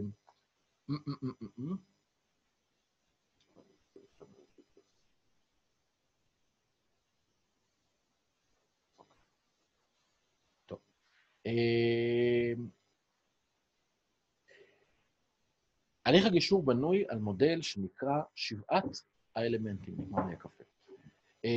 שבעת האלמנטים מרכיבים את התהליך. עכשיו, אני רוצה להזכיר דבר. גישור זה, זו יצירה, זו אומנות. זה תהליך שאנחנו יודעים איך הוא מתחיל, וגם זה עם הרבה סימני שאלה, ואנחנו לא יודעים איך הוא ממשיך, אנחנו לא יודעים איך הוא נגמר. הניסיון לייצר איזושהי אה, תוכנית עבודה ועל פיה לזרום לא עובדת. אנחנו מראש, אני מציע לכל מי שרוצה להיכנס לניהול משא ומתן, לעולם הגישור, לדעת שאנחנו לא יכולים להוביל פה כלום. אנחנו צריכים לעבוד עם מה שקורה. לשים לב לצרכים של האנשים אה, ולעולמות שלהם, ואז על בסיס זה אתם תראו ששבעת האלמנטים נוגעים פה בהכל, וכן הם איזשהו אידיאל לשאוף אליו, אבל יש פה הרבה גמישות. אז אני נותן פה את הכלים המאוד בסיסיים, אבל לדעת שצריך להיות גמישים גם איתם. איך נראה? נהיה קשים עם האלמנטים, אבל מאוד רכים עם הביצוע שלהם, כדי לאפשר את לנו להתאים את עצמנו אה, לכולם. אה, הנה, יניב שלח, אה, נכון, הנה, יניב, אתה יכול לשתף את הלינק לכולם, אה, לעול אה, פאנל, לא, לא לטנדרס ולא רק אה, לפאנליסט, ככה רק אני רואה את זה. אוקיי, תודה. טוב, הדבר הראשון, השלב הראשון במודל שבעת האלמנטים, זה ניתוח רצונות הצדדים, עמדה מול אינטרס. שוב העמדה ואינטרס, אנחנו תכף בשקף הבא אנחנו נתחיל להסביר מה זה. הדבר הבא זה להכיר את האלטרנטיבות האחרות, זה הבטנה והוואטנה. מה האפשרויות האחרות שיש לי אם אני לא עושה את המשא ומתן הזה? הדבר הבא זה יצירת אופציות. זה brainstorming בגדול. אני רץ עכשיו מאוד בקלות, אנחנו ממש יכולים להתעמק בכל אחד מהם. הדבר הבא זה שימוש בסטנדרטים מוסכמים. אני רוצה לוודא שההסכם שאנחנו מגיעים אליו, הוא עומד בכל קנה מידה שלצדדים נראה רלוונטי. למנוע את אחרי זה את הנשמות הטהורות אה, והטובות מסביב, שיבואו ויגידו לי, אבל יכולת ככה, יכולת ככה, יכולת ככה, שאני אדע מה הולכים להגיד לי, שאני אדע להתמודד עם זה. הדבר הבא זה המערכת היחסים, זה דגש על מערכת היחסים בין הצדדים. אנחנו בהחלט רואים בתוך התהליך הזדמנות ליצירת שיתוף פעולה, גם אם לא רק עסקי. גם אם אחרי זה הם יסיימו את הקשר ביניהם ולא ייפגשו יותר לעולם, עצם התהליך, התהליך יצליח כשבין הצדדים יש מערכת יחסים כלשהי. וכמה שיותר טובה, יותר טוב כמובן. יחסית, מערכת יחסים טובה כמובן, לא, לא רעה. תקשורת, אנחנו מבינים שבלי תקשורת אין ניהול משא ומתן, אין יחסים, אין כלום. הוא מדבר הרבה על התקשורת כי זו עיקר עבודתו של המגשר. המגשר צריך להתמחות בניהול תקשורת. זו הסיבה שאדם לא צריך תואר אקדמי כדי להיות מגשר, מבחינתי הוא צריך יכולת וירטואוזית לייצר דיאלוג בין אנשים. זה הכסף, זה הסיפור. זה מדהים כמה הכלים הבסיסיים האלה ביותר שכבר נולדנו איתם, אה, הם, הם אלה ש, שיעזרו לפתור את הבעיות. התחייבות, בסופו של דבר, צריך שההסכם יהיה ברור, כתוב, מסודר, הגיוני, מנוסח כהלכה, כדי לוודא שלכל יהיה ברור, לא כי אנחנו לא סומכים על הצדדים, אלא כדי באמת שהדברים יהיו ברורים לכולם ולא יהיו אי-הבנות אחר כך. אז אלה שבעת האלמנטים, ואנחנו הולכים עכשיו לנתח אותם אה, אה, לאורך כל השיעור. אה, אני רק מציע, כמובן, אה, תזכרו גם את הדבר הזה, וגם כשאנחנו נתחיל לעשות סימולציות, ואני תכף אתחיל לדבר קצת, קצת על הסימולציות, אה, אז תזכרו שבתוך התהליך אנחנו צריכים להכיר את כל, ה, לעבור על שבעת האלמנטים הללו. אז טוב, קודם כל נתחיל בעמדה. מהי עמדה? עמדה זה מה שאני אומר, אבל זה לא בהכרח מה שאני רוצה. הרי אמרנו, בהתחלה בקרמר ואבא של, של סיינפלד, אמרו, אני, אני רוצה פה עסקה. אני רוצה למכור, אני רוצה, אני רוצה למכור את מה שיש לי במחסן, אני רוצה למכור, הנה, טק, טק, אני רוצה. זה לא מה שעבודה היה הכל. אני רציתי גם הכרה, אני רציתי להבין מה אני עושה, אני רוצה, או כמו במוכר עם, עם החנות, אני רציתי אה, להרגיש מוערך, אני חשבתי שהעבודה שלי טובה, אני רציתי לתמחר, זה לא מה שנאמר. נאמר, תעשה לי מחיר. זו עמדה. תעשה לי מחיר, זו עמדה. אה, בדרך כלל עמדה נאמרת כדרישה לביצוע או אי ביצוע של פעולה. תן לי את זה, תעשה לי כזה. אל תעשה ככה, אל תחסום לי, אל תעבוד לי, אה, אל תעשה לי עכשיו רעש בשכונה. אל, אה, אל, ת, אל תשלח את זה עכשיו. תן לי את זה מיד. הוא מייצג את המעטפת החיצונית. זה לא מה אני באמת צריך, זה מה אני אומר. שזה אגב מה שלימדו אותנו. אדם שמדבר בעמדות הוא אדם נורמטיבי, זה לא איזשהו משהו יוצא דופן אנשים שמדברים באינטרס. תכף נדבר עליו. זו עמדה. שאלות משהו לגבי עמדות? מישהו משהו? Q&A? עניתי, עניתי, עניתי ליניב. מעולה. יופי. יש למישהו משהו להגיד על עמדה? מעולה. טוב, אני עובר לאינטרס. או, אינטרס זה מה שאנחנו מחפשים. אינטרסים הם אלה שמובילים את הכל. הם הגורמים לכל דבר שקורה, יש מאחוריו אינטרס. לפעמים אנחנו לא יודעים מה האינטרס. לפעמים, לפעמים אנחנו פועלים בלי להבין מה האינטרס שלנו, אנחנו פשוט פועלים. אבל אם אנחנו נבין מה האינטרס, גם שלנו, גם של האחר, נוכל באמת להגיע הכי רחוק והכי בקלות. אז אינטרס זה כמובן מה אני באמת צריך. לא מה אמרתי שאני צריך, מה אני באמת צריך. הוא גורם לפעולות שלי. אה, הוא בדרך כלל מאוד סמוי. אנשים נוטים, בטח האנשים במשא ומתן הקשה, מאוד, וגם הרך, הרבה פעמים, אה, לא, לא אומרים מה הם באמת רוצים. הרבה פעמים אני רואה את זה בתוך הליכי גישור. כשאני נלחם, אחד הצדדים קשה, וצועק, ומתלהם. ואתם יודעים מה הוא באמת רוצה?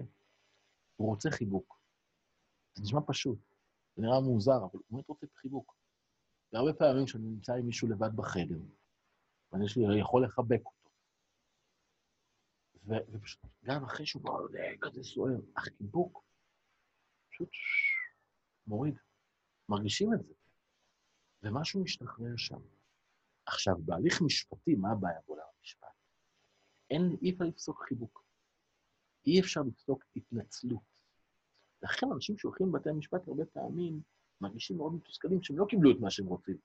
כי אני לא באמת רציתי את פסק הדין, העוד 500 שקל האלה זה לא מה שרציתי. גם לא העוד יום בשבוע. אני רציתי משהו אחר שהוא יותר מהותי. רציתי שיכירו בהורות שלו, זה בהליכי גירושים.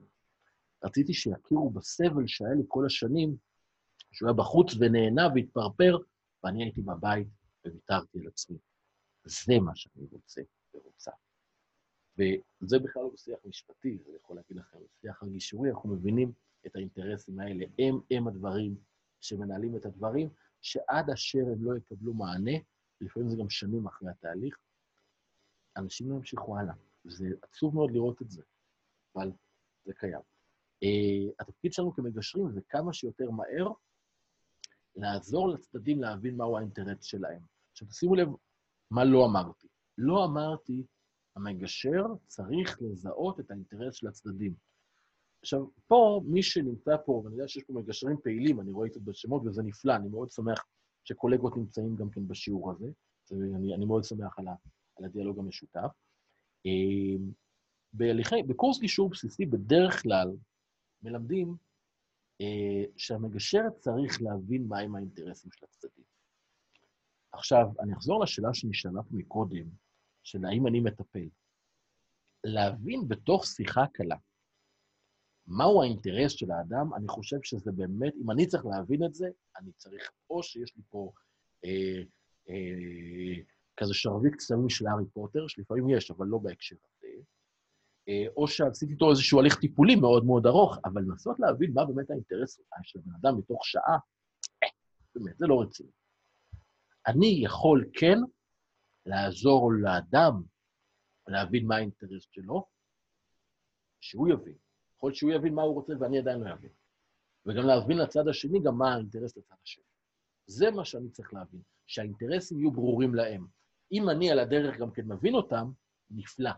אבל תמיד אני אזכור שגם אם אני חושב שאני מבין, אני לא מבין מספיק.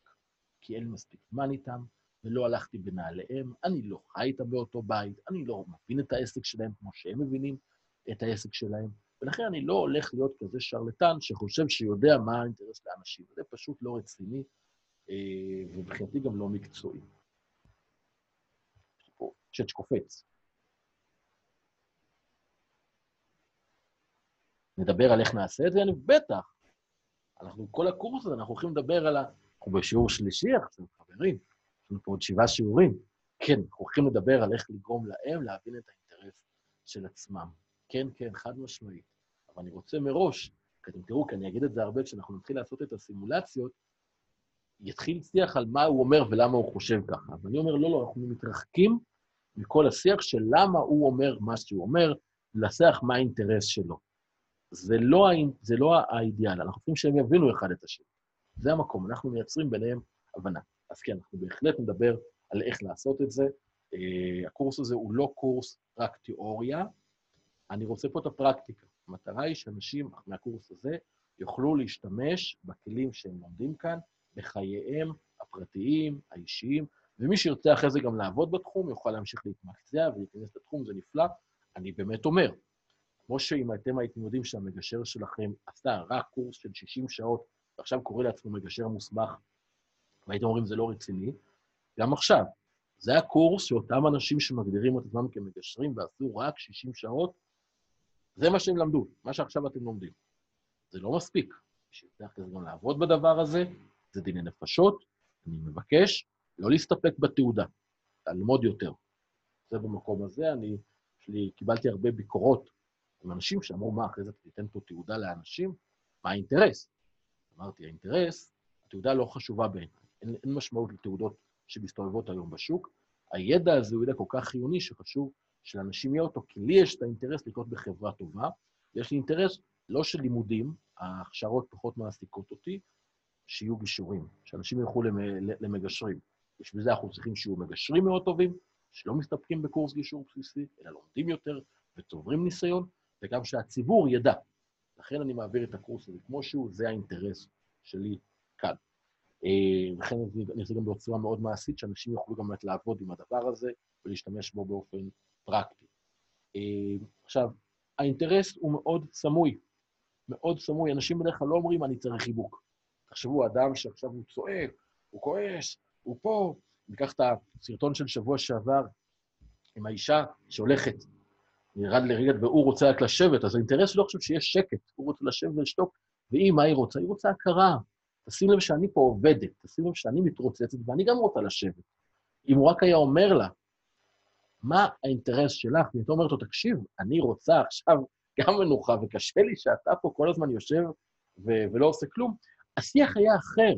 במקום זה הרווחנו סרטון מאוד משעשע של דרור קרן ומיקי קאם, שבעצם רואים איך האישה חופרת לגבר, והגבר מתוסכל. כי השיח היה שיח על עמדות, הוא לא היה שיח של אינטרסים. כותבים מכאן.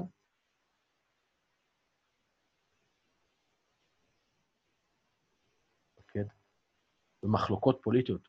זיווה, ליד כיתוב רמה לב, אשמחה אם היית מתמקד במחלוקות פוליטיות יותר. תראי, אני מדבר, אני חושב על פוליטיקה, גם מה שאני מדבר, אני מרגיש שאני אולי קצת חורג, כי אני לא רוצה להגיד פה נכון, לא נכון, הרי זה לא העניין. אני רוצה להראות לכם פה איך הניהול משא ומתן, קולקטיביסט, אינדיבידואל, הרך, הקשה, זה מאוד קיים לנו כחברה. הכלים האלה, הכלים, לא רק נדבר עליה עכשיו על בכותרות מלמעלה, ככל שהכלים האלה, שאנחנו הולכים לדבר עליהם כאן, ההבנה של מהו עמדה ומהו אינטרס, מודל אפרת שדיברנו עליו, הקרחון שדיברנו עליו, ככל שנוכל להשליך את זה פנימה, יהיה אה, הרבה יותר קל להתמודד עם השאלות. והנה אומרת חן, אני, ואני מצטרף, לא רוצה לדבר פוליטיקה, אני מדבר על פוליטיקאים בכותרות, אני לא מדבר על דעות פוליטיות, בכלל לא שמה, זה לא העיקר, זה לא העניין, זה קורס לייצר דיאלוג בין אנשים. אני לוקח את הדוגמאות האלה כי יש דברים שמאוד ברורים, אה, ואני, יותר מזה, הדילמה שלי, כי אני נמשך הרי לגירושין, זה, זה עולמי, ואני לא רוצה לדבר על גירושין, כי קורס גישור בסיסי הוא רלוונטי לכל סוגי הסכסוכים. אז הדבר הבא שקל לדבר עליו זה לקחת דוגמאות מעולם הלאומי, פוליטי, אבל לא נכנס לימין שמאל, צודק, לא צודק, אין, אין איזה, זה, זה גם לא נכון לדעתי, זה לא קיים באמת לדעתי. אני חושב שכולנו אחד, אנחנו רק צריכים לדעת לדבר אחד עם השני, כי זה האינטרס שלנו האמיתי. להיות חברה אחת מגובשת, שאנשים מכבדים אחד את השני, אה, ויוצאים לייצר, לייצר דיאלוג. לא משנה מה דעתנו, דעתנו ימין, שמאל, ערבי, חרדי, כולנו אחד, אני חושב גם הקורונה מראה את זה. אה, זו הייתה הזדמנות נפלאה להראות שכולנו רקמה אנושית אחת חיה, כמו שחווה אלברשטיין שרה בשיר הנפלא שלה. אה, אני אשים אותו אחר כך. אמ, אז אה, זה לגבי אינטרס. עכשיו, צריך לשים לב, האינטרס הוא מכוון פני עתיד. כי מה זה אומר? יש מצבים שיש לי אינטרס לקבל הכרה בסבל שלי בעבר. אה, שורדי שואה, אה, אנשים שעברו אלימות, קורבנות תקיפה מינית, יש לפעמים אינטרס לקבל הכרה בסבל. אני לא יכול להגיד שזה רק לעתיד, אבל על הרוב האינטרסים שאנשים בתוך משא ומתן מדברים על העתיד. אני רוצה לעתיד ביטחון, אני רוצה לעתיד יציבות, אני רוצה לעתיד אה, ש, שאני אוכל להגשים את עצמי. אלה אינטרסים קדימה. אני רוצה שיהיה לי את היכולת להעמיד לקנות בסופר מה שאני רוצה, שלא ייראה, וזה אינטרס מאוד בסיסי. האינטרסים הם מאוד מאוד בסיסיים.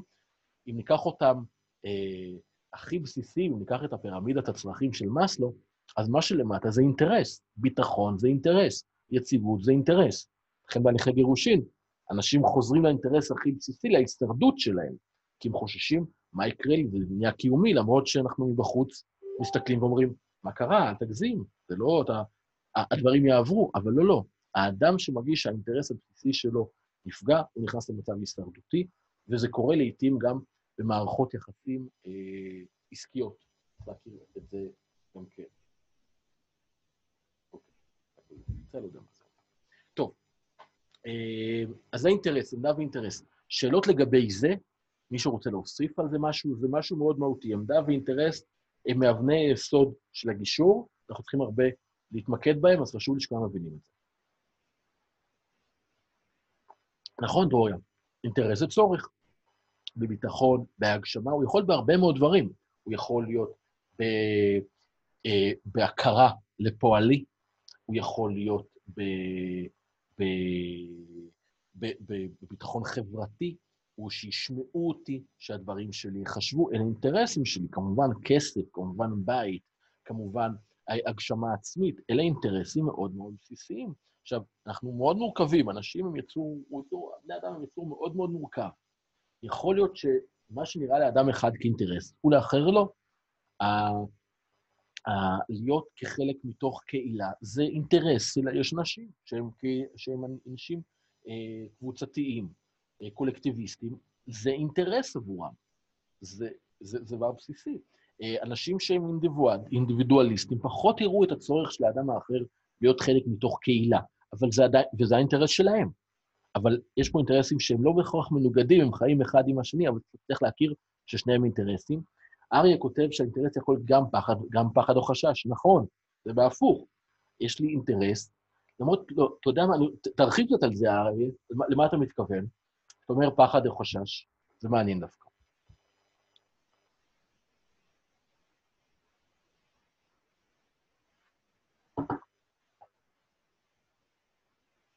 נביסר. תפקידו של המגשר הוא לאתר את האינטרסים של שני הצדדים ולייצר שיח שחותר בהתחלה אל האינטרסים המשותפים, בהמשך האינטרסים המנוגדים של כל אחד מהצדדים, לאו דווקא. לאו דווקא. אני אראה כאן לאביסר בזמן שאריה כותב. Uh, המטרה של המגשר הוא לייצר דיאלוג בין הצדדים, שהם יבינו את האינטרסים אחד של השני. אני בכלל לא מדבר על מנוגד או לא מנוגד, הרוב בדרך כלל הוא לא מנוגד. אבל קודם כל, בכלל בואו נבין על מה אנחנו מדברים. בואו נצא מהשיח הזה של העמדות, בואו נפסיק להגיד, אתה רוצה 100, אני מוכן 50. בואו לא נדבר, בוא נדבר אחרת לגמרי.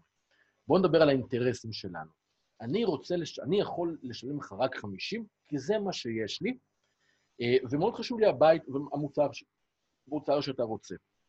אם היה לי יותר, הייתי נותן לך יותר, אבל זה מה שיש לי כרגע, ו... ואם אני אתן לך יותר, לא יהיה לי בשביל מה לאכול. זה, זה, זה, זה האוכל שלי. זה שיח על אינטרסים. הצד השני יבוא ויגיד, אני רוצה לתת לך, הייתי רוצה לתת לך את זה בפחות, אבל אם אני אתן לך בפחות, אני ארגיש אה, פראייר, שזה יש לי אינטרס לא להרגיש, אני רוצה שיעריכו אותי על פועלי, וגם זו הפרנסה שלי. השיח הזה הוא פתאום מייצר משהו אחר לחלוטין. פתאום כל אחד, אני מבין למה אתה אומר את מה שאתה אומר. אתה לא סתם זורק לי מספרים באוויר. השיח הוא הרבה יותר מובן, הוא גם הרבה יותר מכבד, כי פתאום אני רואה אותך כבן אדם. אני לא רואה אותך כסתם איזה מישהו שזורק לי מספרים. פתאום אני במקום אחר. התפקיד של המגשר זה לייצר את השיח הזה, שהם יבינו את האינטרסים אחד של השני, ומתוך זה מתחיל לקרות קסם, פשוט קסם. השיח הוא נהיה אחר לגמרי. אני מדבר כמו, אני מדבר עם אחד השני כאדם שהוא חבר שלי, או שיש לי אינטרס בחברות איתו. וזה מאוד מקרב בינינו, ומתוך הלקרב נוצר פה תהליך שמתוכו גם יבוא הפתרון. תומר כותב, אמרנו שלפעמים הדובר אינו יודע מה האינטרס שלו. האם יש טכניקות שיכולות לעזור לצדדים לגלות מה האינטרס שלהם ולהעביר אותם מהחבוי לגלוי? בהחלט שיש טכניקות שכאלה. אה, אני חייב להגיד, א', אנשים הרבה פעמים, הרבה פעמים הולכים לטיפול הרבה מאוד שנים בשביל לגלת את האינטרסים האלה, ו... וטיפול פסיכולוגי או טיפול רגשי הוא דבר נכון ונחוץ הרבה מאוד פעמים. אני לא רוצה להחליף אותו. יש טכניקות, כמו לעולם הקואוצ'ינג, למשל, עולם האימון, אה, מאוד, שלוקחים דברים מאוד דומים שמדברים על החוזקות. אז אני משלב בתוך הגישורים שלי הרבה מאוד טכניקות מעולם האימון. אני חושב שיש בו הרבה מאוד דמיון, כי הוא גם מדבר על העתיד, אבל צריך פה להיזהר שלא להפוך להיות בעולם הטיפול. אה, ואנחנו נדבר על זה עוד הרבה. אבל כן, יש טכניקות של כאלה, של צפייה לעתיד. האם אפשר עוד הפסקה של שעה? מה השעה עכשיו של דקות? עכשיו אנחנו ב-12 ו-10. כן, בטח, נכון, יאללה, חבר'ה, 12 ו-10, ואז אנחנו נעשה עוד 10 דקות. 12 ו-10 עד 12 ו-20. 12 ו-20 חוזרים. בינתיים מדגדג לי לשים את רקמה אנושית אחת חיה, אני לא מצליח לשים את זה. ו... ואז הוא נחזור גם כן לאריה שלפניק, שמה שכתב. אז יאללה, צאו להפסקה עשר דקות, אני עושה פה פאוז. טוב, אז היינו בתוך האינטרס, אה, ודיברנו על אינטרסים שהם באמת מה שאני צריך, ואנחנו מבינים שאנשים מדברים בדרך כלל בעמדה, אנחנו רוצים שהם ידברו באינטרס. תפקיד המגשר הוא להביא את הצדדים לדבר על האינטרסים שלהם ולא על העמדות שלהם, ולזכור ש... זה תהליך מאוד מורכב, אנשים לא יתחילו פתאום לדבר רק באינטרסים. גם עמדות יהיו שם. אנחנו צריכים לדעת לברור מהי עמדה ומהו אינטרס, ולדייק שהשיח היא כמה שיותר סביב האינטרסים. וזה הדבר הראשון שאומרים פישר ויורי to Yes, הבסיס לגישור, להתמקד באינטרסים ולא בעמדות. ואז, בתוך השיח על האינטרסים, להצביע על האינטרסים המשותפים. זוכרים בסרט שהראיתי לכם עם המגשרים בין בזוג בגירושין, ומתפרצים לחתונה, הם דיברו על העבר שלהם, חתונה המשותפת של האינטרס משותף שהיה להם, איזה יופי היה להם בעבר, הנה משהו משותף, אינטרס, זה לא אינטרס, היה שם איזה משהו משותף, ולדבר עליו. עכשיו, אנחנו צריכים, לה, כמה שאנחנו נדבר יותר על המשותף, שנינו היינו בגולני, שנינו ישראליסטים, שיר כזה הבוקר. שנינו uh, חיים בחברה הזאת, שנינו יש הורים מבוגרים, שנינו יש ילדים קטנים. כמה שנדבר יותר על האינטרסים המשותפים שלנו, יהיה יותר קל לצמוח. שנינו רוצים יציבות וביטחון, זה אינטרס משותף. שנינו רוצים לצמוח בתוך התחום שלנו, תחום התרבות, תחום האופנה, תחום הנדל"ן. אנחנו יכולים בתוך המקום הזה למצוא אה, משותף. כמה שנדבר על האינטרס המשותף, לא על העמדה, על האינטרס, יהיה לנו יותר קל לייצר בינינו אה, אה, שיתוף פעולה יותר אה, מהותי. אה, עכשיו, צריך להבין שלכל צד יכולים להיות כמה אינטרסים. לפעמים גם אפילו מנוגדים, שזה קושי פנימי עם עצמי, כי מצד אחד אני רוצה הכרה, שיכירו ויעריכו את הפעולה, את הפעולה שלי, מצד שני אני ביישן. יש כל אינטרסים שהם מנוגדים לאנשים, אבל יכול להיות שיש כמה דברים שונים, או יותר מזה, תמיד יש כמה אינטרסים, הרי תמיד אני ארצה ביטחון ויציבות. זה משהו בסיסי לכל אדם. תמיד אני ארצה לדעת שיש לי איפה לגור. תמיד אני ארצה שיהיה לי מספיק כסף. תמיד אני ארצה שיהיה לי הגשמה עצמית. לא, זה לא, לא, לא, לא תמיד. מהי הגשמה עצמית? זאת אומרת, יכול להיות לי כמה וכמה וכמה סוגים של אינטרסים, אה, שהילדים שלי יגדלו בצורה בטוחה, שיהיה לי הכרה בסבל שלי, שיהיה לי הכרה ב, בעשייה שלי, אלה אינטרסים. וצריך להבין שזה שזיהיתי, או שעזרתי לאחד הצדדים לזהות את האינטרס שלו, לא אומר שסיימתי. יופי, זיהינו אינטרס אחד, יש עוד. לא, לא, לא, לא להסתפק בזה. Uh, צריך לדעת לזהות שיש אינטרסים חשובים יותר ופחות. אוכל, מחיה, זה דבר מאוד בסיסי. אנחנו רואים עכשיו את המחאה של האנשים בחוץ והעצמאים ולחוצים. יש פה אינטרס מאוד חשוב של קיום. עד עכשיו הייתי באיך אני מקדם את העסק שלי, איך אני משווק את העסק שלי.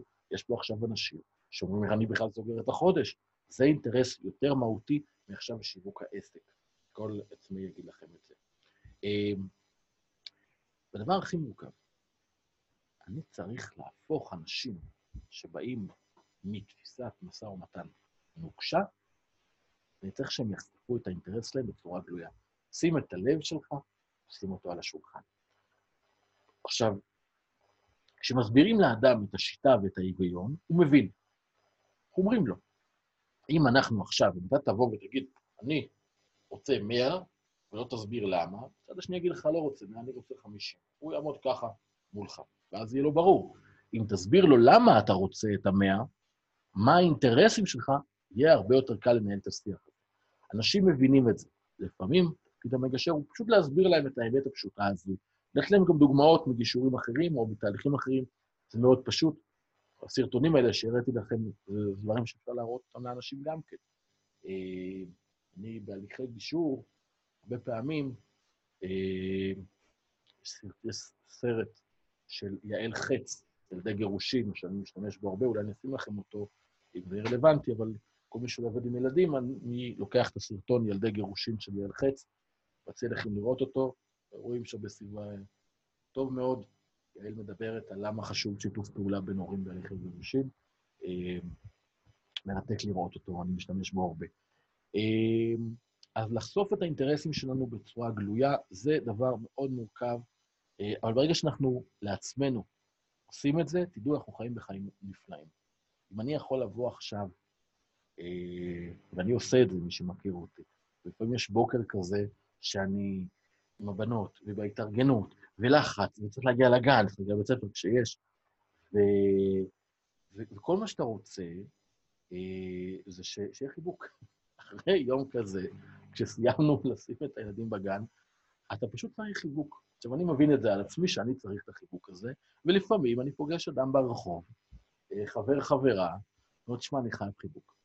ונותנים, וזה תענוג, גם להם זה משמח, נותנים חיבוק באמצע, ואני, זה מה שצורך. אה, אז ממליץ לכם בחום, כמובן ברשות, לא מחבקים אנשים ברחוב בלי הסכמתם, אבל חיבוק זה דבר אה, שלי יש אינטרס שכזה, אני הרבה פעמים מאוד מאוד, מאוד צריך אותו, אני חושב שרובנו כאלה, אני פשוט אומר את זה. אה, וכמה שאנחנו יכולים להיות יותר גלויים עם האינטרסים שלנו, החיים שלנו יהיו הרבה יותר טובים. וצריך להבין משהו גם כן להיות מגשרים. להיות מגשר, זה אמר לי פעם נתן, שלמד אצלי פעם, והוא איש מקסים, הוא אמר לי, תשמע, להיות מגשר זה שתי דקות שיפול לך האסימון, ואז מאה שעות, מאה שעות או הרבה שנים לתרגל את הדבר הזה. כי ברגע שנופל האסימון, שהרבה יותר קל, הרבה יותר נכון לדבר באינטרסים, ואם אני מצליח להפנים את זה לתוך תוכי, אני, חי, אני חי חיים של שפע. כי אני יכול להגיד לאנשים מה אני באמת רוצה, אני כבר לא צריך להסתיר את זה ולחשוב מה אני אגיד או מה... לא, לא. אני לא עושה פה אסטרטגיות. אני פשוט אומר מה אני רוצה. אני מאוד מפשט. עכשיו, זה לא תלוי שהצד השני יגיד רק מה הוא רוצה. אני לא תלוי בזה רק, אני אגיד את האינטרסים שלי רק אם אתה תגיד את האינטרסים שלך. ממש לא. אני מספיק שאני אגיד את האינטרסים שלי, ואז אני כבר אביא אותך לשיחה אחרת. זה לא שיח עמדות. זה כבר יהיה שיח אינטרסים, כי מישהו כבר שם פה אינטרסים על השולחן, ואני בעצם מאלץ את הצד השני להתמודד עם מה שאני אומר עכשיו.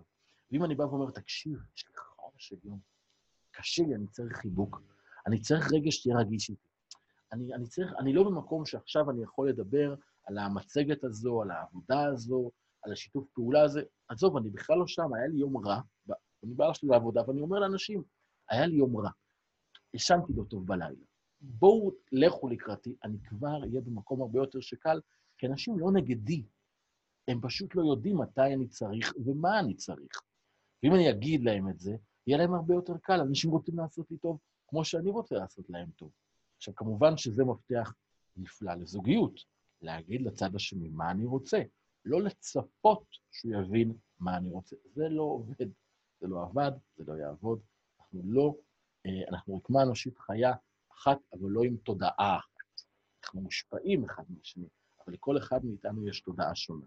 ואם אני מצליח להפנים את זה לעצמי, אני אוכל להיות גם להיות מגשר. אם אני לא מפנים את זה לעצמי, אף אחד לא יבוא אליי, כי אני פשוט לא... כי אני לא אמיתי, זה לא אותנטי. להיות מגשר זה אופי. זה הדבר האלף-בית. לדעת להגיד מה אני באמת רוצה. אה, כמו שאני אומר לכם, אני באמת רוצה. אני באמת רוצה, הנה פה האינטרס שלי, אמרתי, אני מאוד רוצה שתשתפו את הקורס הזה. אני רוצה שהוא יגיע לכמה שיותר אנשים. אני חושב שזה יעשה לי חברה יותר טובה שאני אוכל לחיות בה, וזה גם יביא יותר גישורים, גם לי וגם לאנשים ש, שאני עובד איתם, ובכלל לתחום הגישור, שירים אותו לגמרי, ירים אותו למעלה, וזה גם ישפר את רמת המגשרים בישראל, כי הקורס הבסיסי הוא כבר לא יהיה איזשהו דבר שאנשים צריכים לעבוד קשה בשביל לקבל אותו, זה דבר שיהיה נגיש וכל אחד יוכל ללמוד אותו, ואז מי שירצה להיות מגשר ולעסוק בדבר, יגיד לעצמו, אני לא, אני צריך להיבדל מכולם עשו את הקורס הבסיסי, אני אלך ללמוד יותר. זה האינטרס שלי, אז במקום הזה אני מבקש לשתף, לשתף, לשתף, לשתף, לשתף את הקורס, את התוכן, אה, כדי שיגיע לכמה שיותר אנשים. עכשיו, זה חג, אנשים בבית, תחשבו שמאות אנשים יעברו את הקורס הזה, זה פשוט יהיה מדהים.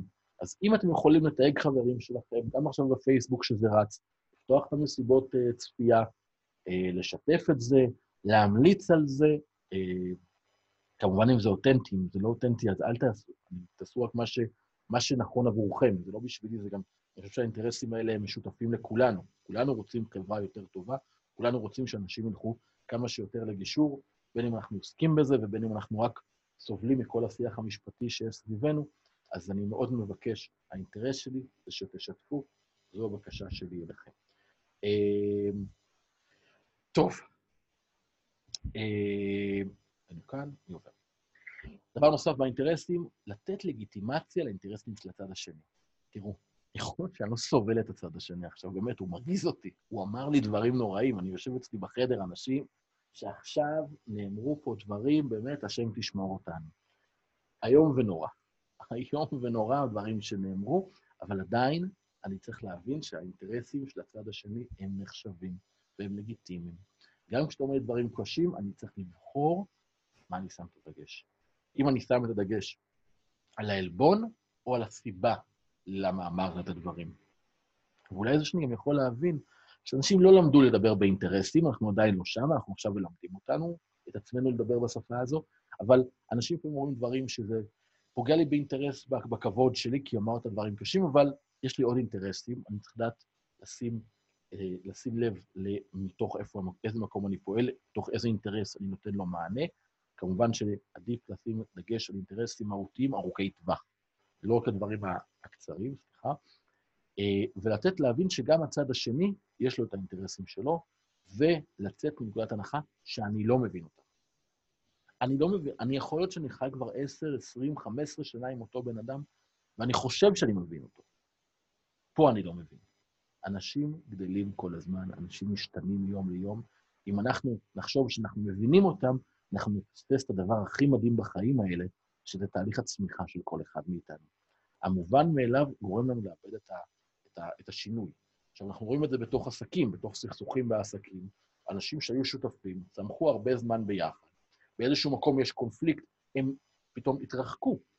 עכשיו, במקום הזה, אני חושב, אני מכיר אותו, שנים הלכו ביחד, אבל לא. אתה מכיר אותו עד שהתחיל הגידול למקום אחר. ואם היינו אז, במקום הזה, ממשיכים לדבר אחד עם השני ולא לקחת כמובן מאליו, וזה קורה לידי דיבור באינטרסים, לא היינו מתרחקים, היינו יכולים להמשיך לפרוח ביחד. אז אנחנו כל הזמן מבינים שלצד השני יש אינטרסים, אנחנו לא בהכרח, אנחנו לא מבינים אותם. תמיד, כל בוקר לקום בוקר חדש ולשאול מהם האינטרסים שלי. ואני אגיד לכם כמה הדבר הזה מהותי מבחינתי, אפילו אראה לכם את זה, שאנחנו רואים את זה עכשיו, אבל לי זה מקועקע על היד, לא סתם. תשאל, תשאל מה אתה רוצה, תשאל מה האינטרס, תשאל למה. כל הזמן להיות במודעות, לשאול את השאלות האלה. זה, זה מה שהמילה תשאל אומרת לי, בגלל זה שמתי אותה ככה מולי, זה הקעקוע היחיד שיש לי. זה הדבר שמבחינתי הוא הכי מהותי שיש. תמיד לשאול מה האינטרס, מה אני רוצה, למה זה, זה טוב לי, זה לא טוב לי. תמיד לחשוב באינטרסים. אה, כשאני מדבר בשיח אינטרסים, אני מדבר על העתיד. אני מדבר על היתרונות העתידיים שיש, אה, שיש למגושרים, לצדדים. לעבור על אינטרסים, נוכל להתקדם. אני במקומות האלה הרבה פעמים מתנצל בפני הזוגות שלי, ואומר להם שאין לי מכונת זמן, לכן אני לא יכול לחזור אחורה. אם הייתי יכול לחזור, אז זה היה נפלא, אבל אני פשוט לא יכול לחזור אחורה. ואם אני מדבר אבל על העתיד, או, העתיד, יש לי הרבה אפשרויות. כי יש לי את העבר שהוא מצפן, ויש לי את ההווה שיש לי פה יכולת החלטה לגבי העתיד, שזה דבר נפלא זה, איזה עוצמות יש בדבר הזה, שאם אני אבין מה האינטרסים שלנו, אני יכול לייצר לעתיד פתרונות. זה מאוד מאוד נותן ביטחון, זה מאוד עוזר בתהליך אישור. עכשיו, אנחנו עושים את זה בצורה מאוד פרקטית. זאת אומרת, כל הסכם שיש, בסוף מקבל תוקף של פסק דין אם צריך, אה, מקבל תוקף של פסק דין, מקבל, אה, אה, הוא נכתב, הוא מייצר איזשהו פרקטי, אנשים לא באים אליי כדי שאני אעשה ביניהם, לשפר, האינטרס שלי זה שתהיה מערכת יחסים טובה ביני לבין בן הזוג, או ביני לבין השותף בעסק. לא, אתם לא באים אליי בשביל זה, בשביל זה הולכים לטיפול זוגי, לייעוץ עסקי, לטיפול כזה או אחר. באים לגישור כי יש קונפליקט, עכשיו יש פה מחלוקת. המחלוקת הזאת היא סביב משהו מוחשי או לא מוחשי, אבל יש פה איזשהו משהו. ואנחנו צריכים לעזור להם לפתור אותו. שוב, זה לא טיפול. זה פה הליך לפתרון מחלוקות, בניהול משא ומתן בצורה של דיאלוג שמבוסס על אינטרסים, לא על עמדות. אז יש פה הרבה פרקטיקה, כי צריך למצוא תשובות מאוד מעשיות לשאלות שעל על הפרק, אבל אנחנו מבינים שאנחנו לא יכולים להגיע לאינטרס אם לא מתמודדים גם עם הרגשות שלו. והרבה פעמים רגשות הם גם כן סוג של אינטרס, הם לא סוג, הם אינטרס. שש, שאלות על כל זה, כי אני מדבר פה הרבה, וזה צריך להיות דברים מאוד מהותיים, אז יש למישהו שאלות על הדבר הזה, על מה שאני אומר כאן עכשיו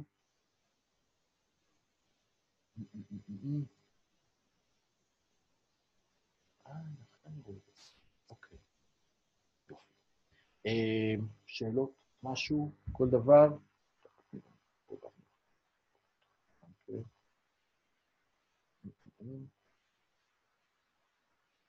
משהו, מישהו משהו.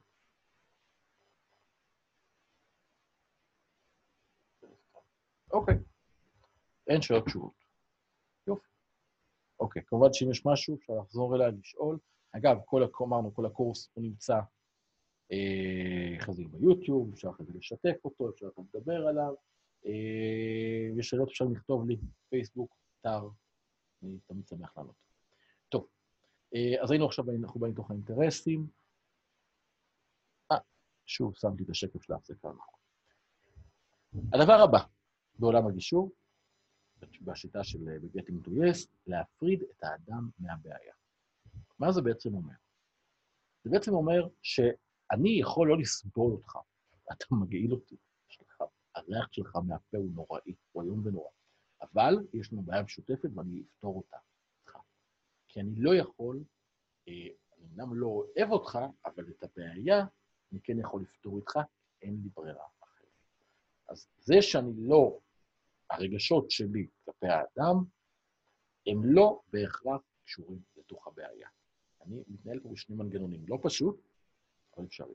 וזה אני מחלק אה, לשלושה דברים. את תפיסת הקונפליקט, הפן של הרגשות ולתקשורת. שימו לב, זה מתחבר עם, אה, עם מודל שבעת האלמנטים. אז בוא נתחיל לעבור. כל תפיסת הקונפליקט. זה שאני מאשים צד אחד, לא מקדם את הפתרון, ויכול אף למנוע אותו. זה שאני אומר שאתה אידיוט, ואתה עושה לי ככה, ופגעת בי, והשמצת אותי, ואיך אחרי כל הזמן, השנים שאתה עשית לי כך וכך, והתייחסת לי כך וכך וכך וכך, עכשיו אתה עוד רוצה לעשות איתי צולחה? אוקיי, אני לגמרי מבין את, ה- את הכאב הזה, את התסכול הזה, אבל זה לא פותר לי את הבעיה. כי זה שאני צודק, אולי בנרטיב שלי, לא פותר לי את הבעיה. יותר מזה, כל ההאשמות שאני אשלים אותך, יכול למנוע ממני להגיע לפתרון. עכשיו, צד שלא רואה יתרון בתהליך משא ומתן, תזכור את זה, לא רואה, לא ייקח בו חלק. אם אני נמצא במשא ומתן, שכל הזמן מאשימים אותי, ומשמיצים אותי, ומתייח... ומתעלמים מהצרכים שלי, אני לא אקח בו חלק.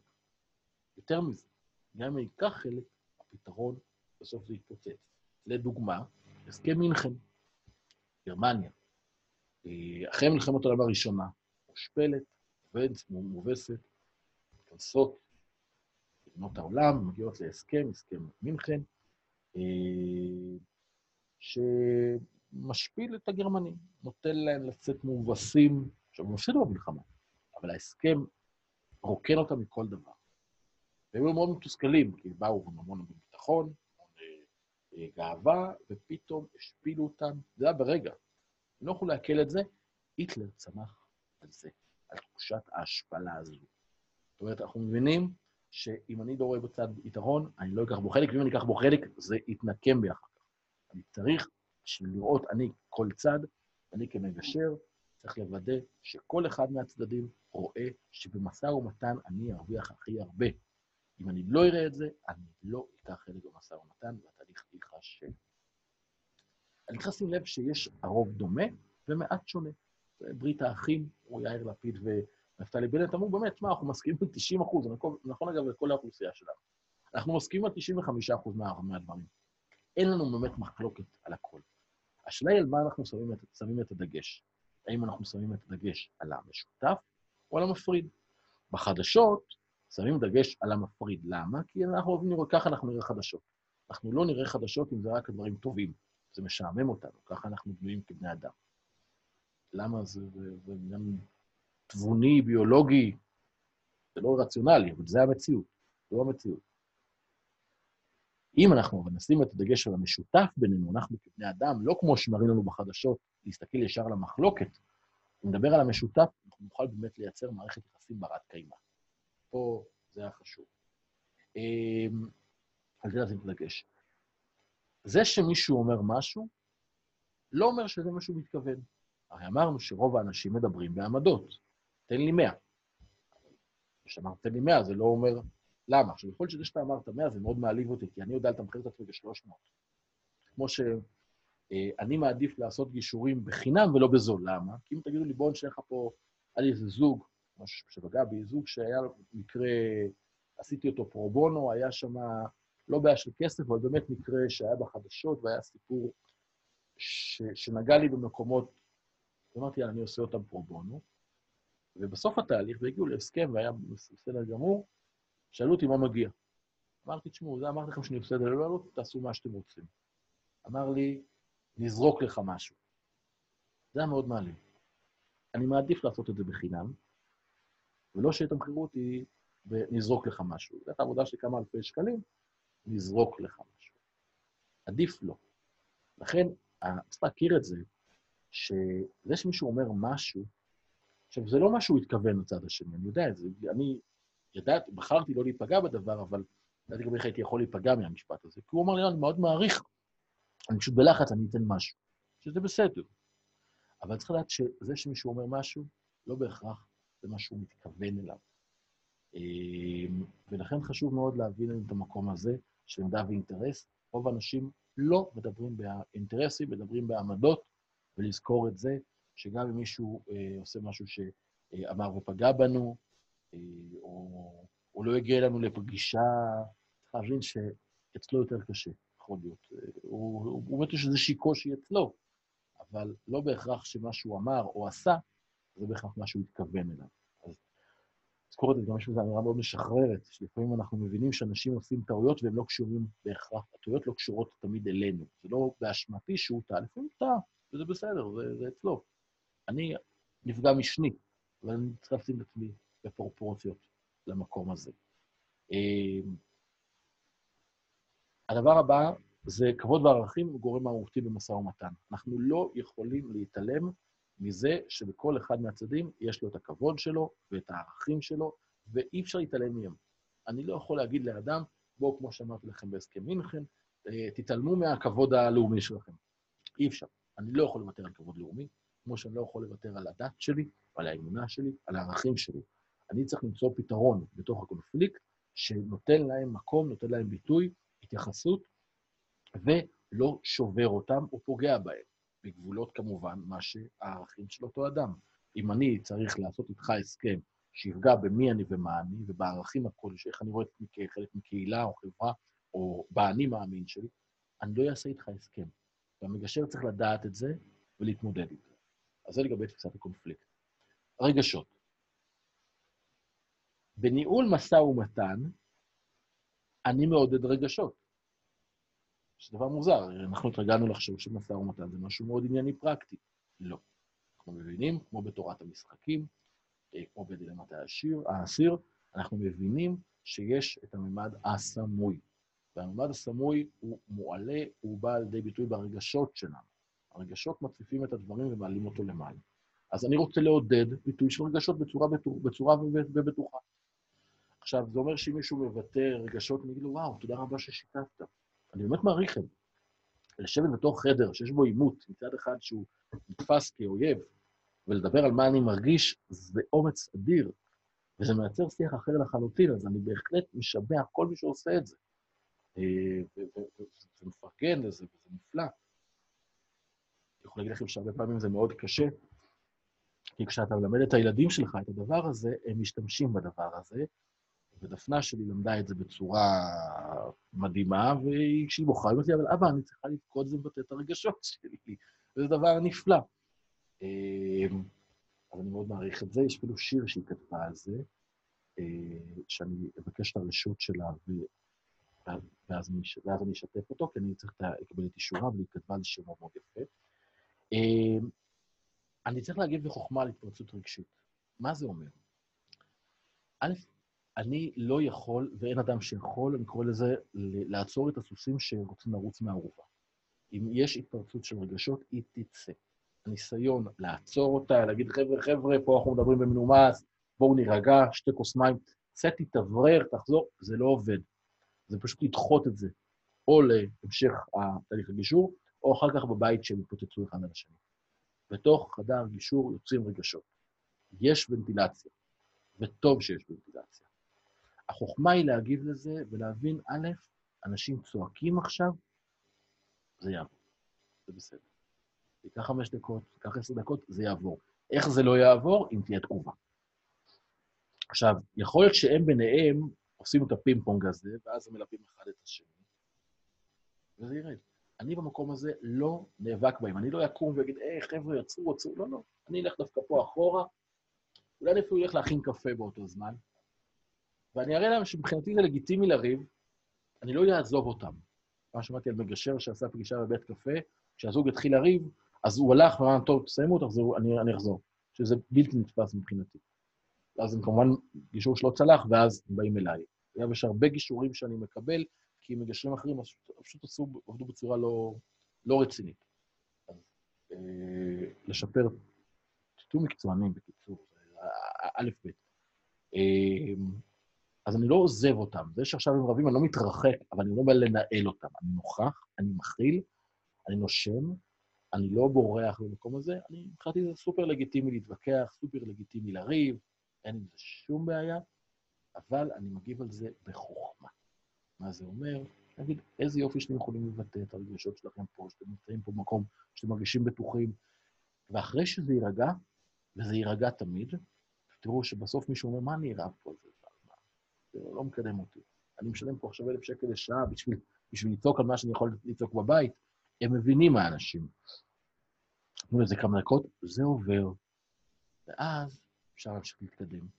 לא להתרגש מכל אה, התפרצות רגשית שיש. זה בסדר גמור. זה לא כזה, כזו דרמה. כמובן צריך להתייחס לתוכן, למשמעות, לעבור קווים אדומים, כמובן. אבל זה שאנשים צועקים ומקללים ומטנפים, זה בסדר, לא, לא סוף העולם, אה, אפשר להתמודד עם זה. אה, צריך להבין את הרגשות של כל אחד. כי לפעמים מישהו שמשהו אומר משהו קטן, שמע, זה פוגע מאוד, אתה פתאום עכשיו אמרת, אחרי 20 שנה ביחד, התעלמת מכל הרגשות שלי, מהעשייה שלי, ממי שאני, מה שעשיתי, מהבנייה המשותפת שלנו, פשוט מחקת את זה, אמרת, אני עשיתי את הכל. זה משפט מאוד מעליב, מחקת לי 20 שנה מהחיים עכשיו. אני לא יכול להתעלם מזה. אז צריך להבין שמישהו נשמע דבר כזה, זה נשמע. זה כשאצלי בחדר בגירושין, שמישהו אומר, הילד, הילד שלי, ואני רואה את הצד השני, מה זה הילד שלך? זה הילד שלנו. או נתתי לך את הילדים. זה משפטים שאתם רואים מישהו מתחיל להאדים. שמישהו משפטים שפשוט אני אומר לאנשים אה, שמגרשים, אל תגידו אותם. זה לא להגיד את זה. אני עשיתי את הכל, את היית בבית, לא להגיד את המשפטים האלה. הם לא נכונים, הם פשוט לא נכונים לעולם, והם פשוט מייצרים פגיעה. ולהבין שזה פוגע בהרגשות של האחר, אבל אם זה נאמר, אז אנחנו מתמודדים איתם, להבין שהייתה פה פגיעה, ונתחיל להתמודד עם זה. אגב, אחד הדברים, הטכניקות להתמודד עם אמירות קשות שנאמרו, זה לשאול את הצד שאמר, או את שני הצדדים אפילו, האם עכשיו בידיעה שמה שהוא אמר ככה גורמת לצד השני להגיב, האם הוא היה אומר את זה שוב? לרוב הוא היה אומר לא. אז הוא אומר, אוקיי, ופה אולי יש את מודה ועוזב ירוחם. כבר אמרת, התנצלת, או היית אומר את זה אחרת, זה סוג של התנצלות. אז בואו נתקדם, נתקדם על זה ונבין שהיה פה טעות שנעשתה. אה, מחוות סמליות, זה מאוד עוזר. לשים את היד, חיבוק, כיף, אה, למלא לכוס מים, להגיש, להביא כיבוד. דברים קטנים כאלה, מחוות סמליות, עושות המון המון טוב. במשא ומתן הכי קשוח, עדיין אני אביא עוגה, אני אביא פרח, אני אעשה כוס, אני אעשה קפה. הדברים הקטנים האלה הם אלה שמחברים בינינו כבני אדם, וזה מאוד מאוד חשוב. אז אני מציע בחום כמה שיותר מחוות סמליות, זה נפלא. אתמול ראיתי את הפרק בחתיכת שנייה במבט הראשון, סליחה. אבל קשה לי במחוות הסמליות. חביבי, מחוות סמליות זה א', ב', בתוך חיזור, בתוך מערכת יחסים, לתת הרבה מאוד מחוות, זה נפלא, זה לא עולה כסף, זה פשוט עושה טוב לאדם. אה, ומותר לשחרר קיטור, אמרתי, לשחרר קיטור זה נפלא, מומלץ, מבורך, כמה שיותר, יותר טוב לשחרר קיטור. אה,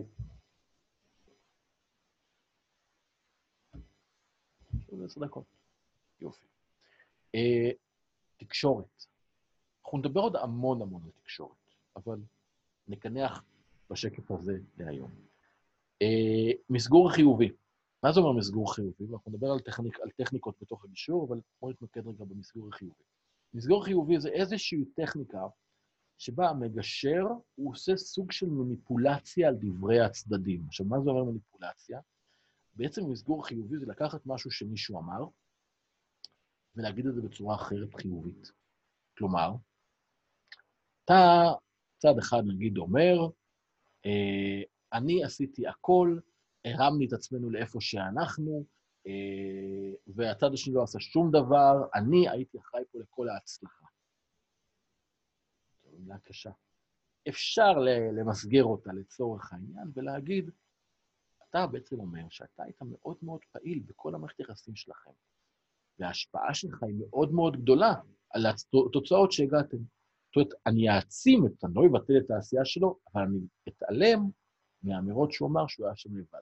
עכשיו, זה מאוד בזהירות לעשות את המסגור הזה מחדש, בצורה חיובית. אני כמובן לא מסביר בצורה שלילית, לי כזה איזושהי חלק מטכניקה שאני נוקט בה, אבל שעלול לקרות שאני אעשה את זה, אבל בגדול, אני מסביר את הדברים בצורה חיובית, אני כל הזמן רוצה להרים את האנשים ולייצר להם שם אה, הסתכלות חיובית על הדברים. אה, טוב, שיח ענייני בתקשורת. אני מכוון כל הזמן שיהיה שיח כמה שיותר ענייני.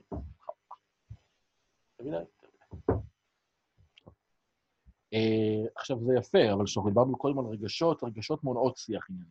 דיברנו על זה גם כן בשיעור הקודם. Uh, קשה אם אני עכשיו מרגיש פגוע, אם אני עכשיו מרגיש לחוץ, אם אני עכשיו מרגיש uh, מתוסכל, מאוד מאוד קשה לי לדבר איתך עכשיו בצורה עניינית. מה לעשות, זה, זה, זה לא פשוט. אבל אין ברירה. אנחנו צריכים, כאב בצד אגודל, להתמודד עם הרגשות של האנשים, לתת להם מקום, אבל לכוון לתקשורת עניינית. עכשיו, יש לי התפרצות רגשות, יש לי התפרצות של רגשות, אני אתן לה את המקום שלה, זה בסדר. היא תחלוף, אני חוזר להיות ענייני. אני כל הזמן עושה את הריקוד הזה בין השיח הענייני לרגשות, ומסגיר דברים מחדש.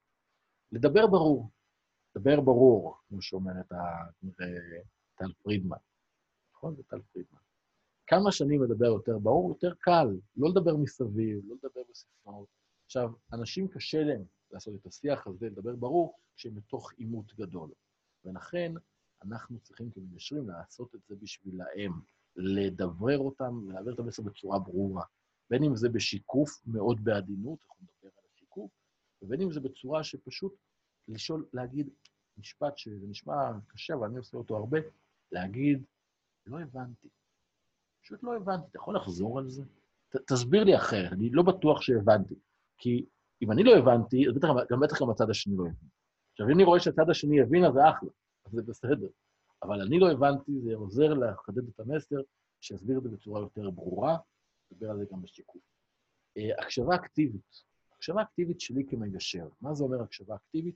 זה הקשבה שהיא נוכחת. אנחנו נדבר על זה עוד הרבה. אבל אני באמת נוכח בתוך החדר. אני לא בודק תוך כדי אס.אם.אסים, אני לא אה, מדבר עם אחרים. אני, כשאתה מדבר, אני איתך. אני מסתכל לך בעיניים, אני, אני רואה את הגוף שלך, אה, ושלך כמובן, אני, אני מקשיב לצרכים שלכם, אני, אתם רואים שבאמת אכפת לי מכם. זה המון, המון. אני מדבר עם מגשרים שלי, מספרים את החוויה, שומעים, תשמע, וגם אני רואה את זה, לפעמים אנחנו יושבים בחדר, ואני פשוט, אנחנו רק יושבים, אנחנו לא באמת צריכים לעשות כלום, וזה נכון. אבל לפעמים התפקיד שלנו הוא כל כך פשוט כמו רק להיות נוכחים בחדר. לא לעשות כלום. לאנשים לפעמים, הרבה פעמים, הרבה פעמים, פשוט צריכים שיהיה מישהו בחדר. שנוכח. וזהו, והם יודעים לדבר. בינם לבין עצמם, זה בסדר. אז לייצר הדיבור הברור מאוד חשוב. הקשבה אקטיבית, כמובן, מה שאמרנו, וזו טכניקה מאוד חשובה. אני מדבר על עצמי, אתה מדבר על עצמך. זה בתוך משא ומתן, להגיד, שמע, אני לא אדבר על מה אתה צריך לעשות. אני לא, אין לי שום שליטה עליך. אני יכול לדבר על עצמי. אני יכול להגיד מה אני הייתי עושה אם אתה היית עושה ככה. לא מה אתה תעשה ואז. אם אתה היית עושה ככה, אני הייתי יכול לעשות ככה. אני מוכן לעשות גם ככה וככה. אלה הצרכים שלי, אני בכלל לא מדבר עליך. הרבה פעמים בהליכי גישור, גירושין, כשאנחנו מדברים על כל סוגיית הכס- הכספים, המזונות, ההתנהלות הכלכלית השוטפת, אנחנו מבינים שיש גירעון למשפחה בשביל להחזיק שני בתים. יש גירעון, זה קורה הרבה. ואז אני מבקש מהם, אל תגידו מה הצד השני יכול, אתה לך תביא עוד כסף. ברור שאתם יודעים שהוא יכול להביא עוד כסף. תמיד אמרתם לו שהוא יכול להביא עוד כסף. אבל עצם זה שאתם אומרים את זה, סוגר אותו לפינה, ואז הוא גם, כשיש פתרון שהוא אפשרי, הוא לא ייקח אותו, כי זה כאילו לתת לכם הישג. וזה ללכת אחורה. לכן, בואו נגיד שכל אחד מחפש את הפתרונות שהוא יכול לייצר. מה אני יכול לפתור? עכשיו יש לנו פה משבר בעסק, איזה דברים אני יכול לעשות שיקדמו את האינטרסים המשותפים שלנו, או אולי את האינטרסים שלך, או את האינטרסים שלי. אבל מה אני יכול לעשות? ואז כל השיח הוא, כל אחד אומר מה הוא יכול להביא לשולחן, ופתאום אני יכול לראות שהצד השני מוכן לעשות הרבה למעני, ואז אני כבר בשיח אחר. אה, אז אני כל הזמן אחפש מה אני יכול לעשות, ולא מה הצד השני יכול לעשות.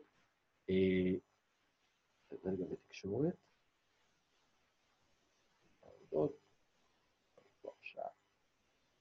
אוקיי. אוקיי, זהו. שלוש שעות, קצת יותר, של השיעור היום, לי אנחנו בסדר. אה, טוב, אני אשאיר קצת את הצ'אט אה, קצת סגור, קצת פתוח למי שרוצה לכתוב או להגיב גם ביניכם, זה בסדר גמור. אני שוב אצרף את הבקשה שלי, אה, לשתף, לשתף, לשתף. זה מאוד חשוב לי שהשיח הגישורי יגיע לכמה שיותר אנשים, אני מאוד אעריך זאת. אה, אני מאוד מקווה שנהניתם בשיעור הזה, אני מאוד מקווה שיכולתי לתת לכם אה, עוד קצת כלים. אני חושב שאם תחזרו קצת על השיעור ועל המצגת, וקצת תרעננו ותראו שבאמת יש פה הרבה דברים שאנחנו יכולים באמת כבר לקחת כבר עכשיו לתוך חיי היומיום שלנו, אה, ואנחנו לאט לאט עכשיו ניכנס יותר ויותר אה, לתוך הטקטיקות, המכניקות של, הגישור. עכשיו, אה, אני רוצה לדבר איתכם רגע על הסימולציות, זה דבר חשוב. אני הולך לעלות באתר סימולציות. עכשיו, אני מעלה אותו מראש, יש שלוש, שלושה סימול, שלוש סימולציות שיעלו, והם יעלו ככה, זה יעלה הדף צד אחד, צד שני והסיפור המרכזי. אתם יכולים לבחור, אה, לקרוא את הכל, את הזווית של שני הצדדים, את הזווית של אחד, אין בעיה. אה, אבל לשיעור הבא, אני חושב שזה יהיה לשיעור הבא, אה, או לשיעור אה, אחרי זה, אני נראה בכסף שלנו, אני אבקש מתנדבים, אנשים שיהיו או המגושרים, אנשים שיקראו, או אנשים שיהיו המגשרים. עכשיו, אה, בדרך כלל אני בגישור אומר, אל תקראו את החומר. אני אומר, אל תקראו את החומר, זה לא מעניין. אין, אין, לי, אין לי מה לבוא עם ידע מראש, אני צריך לפגוש את האנשים עצמם. אז אם אתם מראש רוצים להיות המגשרים, אתם לא חייבים לקרוא את החומר. אם אתם רוצים בכל זאת, בבקשה. אה, אם אתם רוצים להיות מגושרים, אז תקראו את החומר, אה, ואז אה, נעלה מי שירצה. אני מניח שיהיו כמה. אז אה, זהו, זה יעלה באתר, אתר הלימודים. שימו לב, יש לי את אתר הגירושין, זה נדב נשריף יואל, ויש לי את נדב נשריף קול, שזה אתר הלימודים. אפשר להגיע אליו או בכתובת אצלו, או דרך האתר שלי, לכתוב אתר קורסים אה, ולהגיע. יעלו שם היום, מחר, איך שמחר, הסימולציות, תעלה גם המצגת, יעלה גם השיעור הזה. אני מזמין אתכם להיכנס, לראות, לרענן. ואני מאחל לכם אה, חג אה, חירות שמח, והרבה בריאות, שנעבור את הסגר הזה ואת הסדר הזה בשלום, שנוכל באמת לצמוח מתוך המקום הזה ונראה את כל השינוי המדהים הזה שקורה בעולם עכשיו. אה, אני מאוד מרגיש אותו באופן אישי, אה, ואני מקווה באמת שאנשים יעברו אותו בשלום, ואני רוצה פה לשלוח אה, במקום הזה באמת הרבה חיזוקים ובריאות לכל מי שצריך. ולעמיתיי העצמאים, אה, שעוברים עכשיו תקופה מאוד מאוד אה, מורכבת, כל מי שהוא עצמאי מבין ומכיר את זה. אה, אני מאחל שנדע לצמוח ולגדול ו... ולשפר ולייצר יסודות יותר חזקים ועמידים לעסקים שלנו ולמשפחות שלנו. אני חושב שפה זה באמת, אולי באמת מהמקום הזה נצא מעבדות לחירות. אה, ושיהיה לכולנו רק טוב, והרבה שמחה. אושר ואושר. להתראות.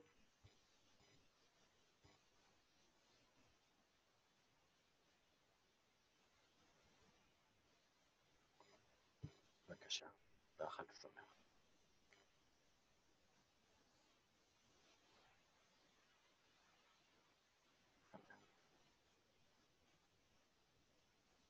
חג שמח לכולם, חג סגי דור דורית, יונתן, גל, יניב, חג שמח, תודה רבה לכם. כיף לראות את, ה, את התגובות, ככה אני יודע שאני לא לבד. תודה, אבישר. אה, לעינת, תודה רבה גם לך. את השיר של הדרה. אה, את השיר של הדרה, וואו. אה, זה בפייסבוק שלה, לשיר קוראים יופי. חג שמח, תודה רבה, ברק. אה, הדרה לוין הרדי, באתר שלה, יופי, אה, שיר מאוד יפה בכלל, הדרה כותבת מדהים בשער המדהים, אני ממליץ עליה בחומרה. אה, חג שמח, בני, תודה רבה. חוויה שלי. אה, טוב, יאללה, אני עוצר את השיח. שלום, חג שמח, להתראות, נתראה שבוע הבא. אמן, אמן ואמן ואמן.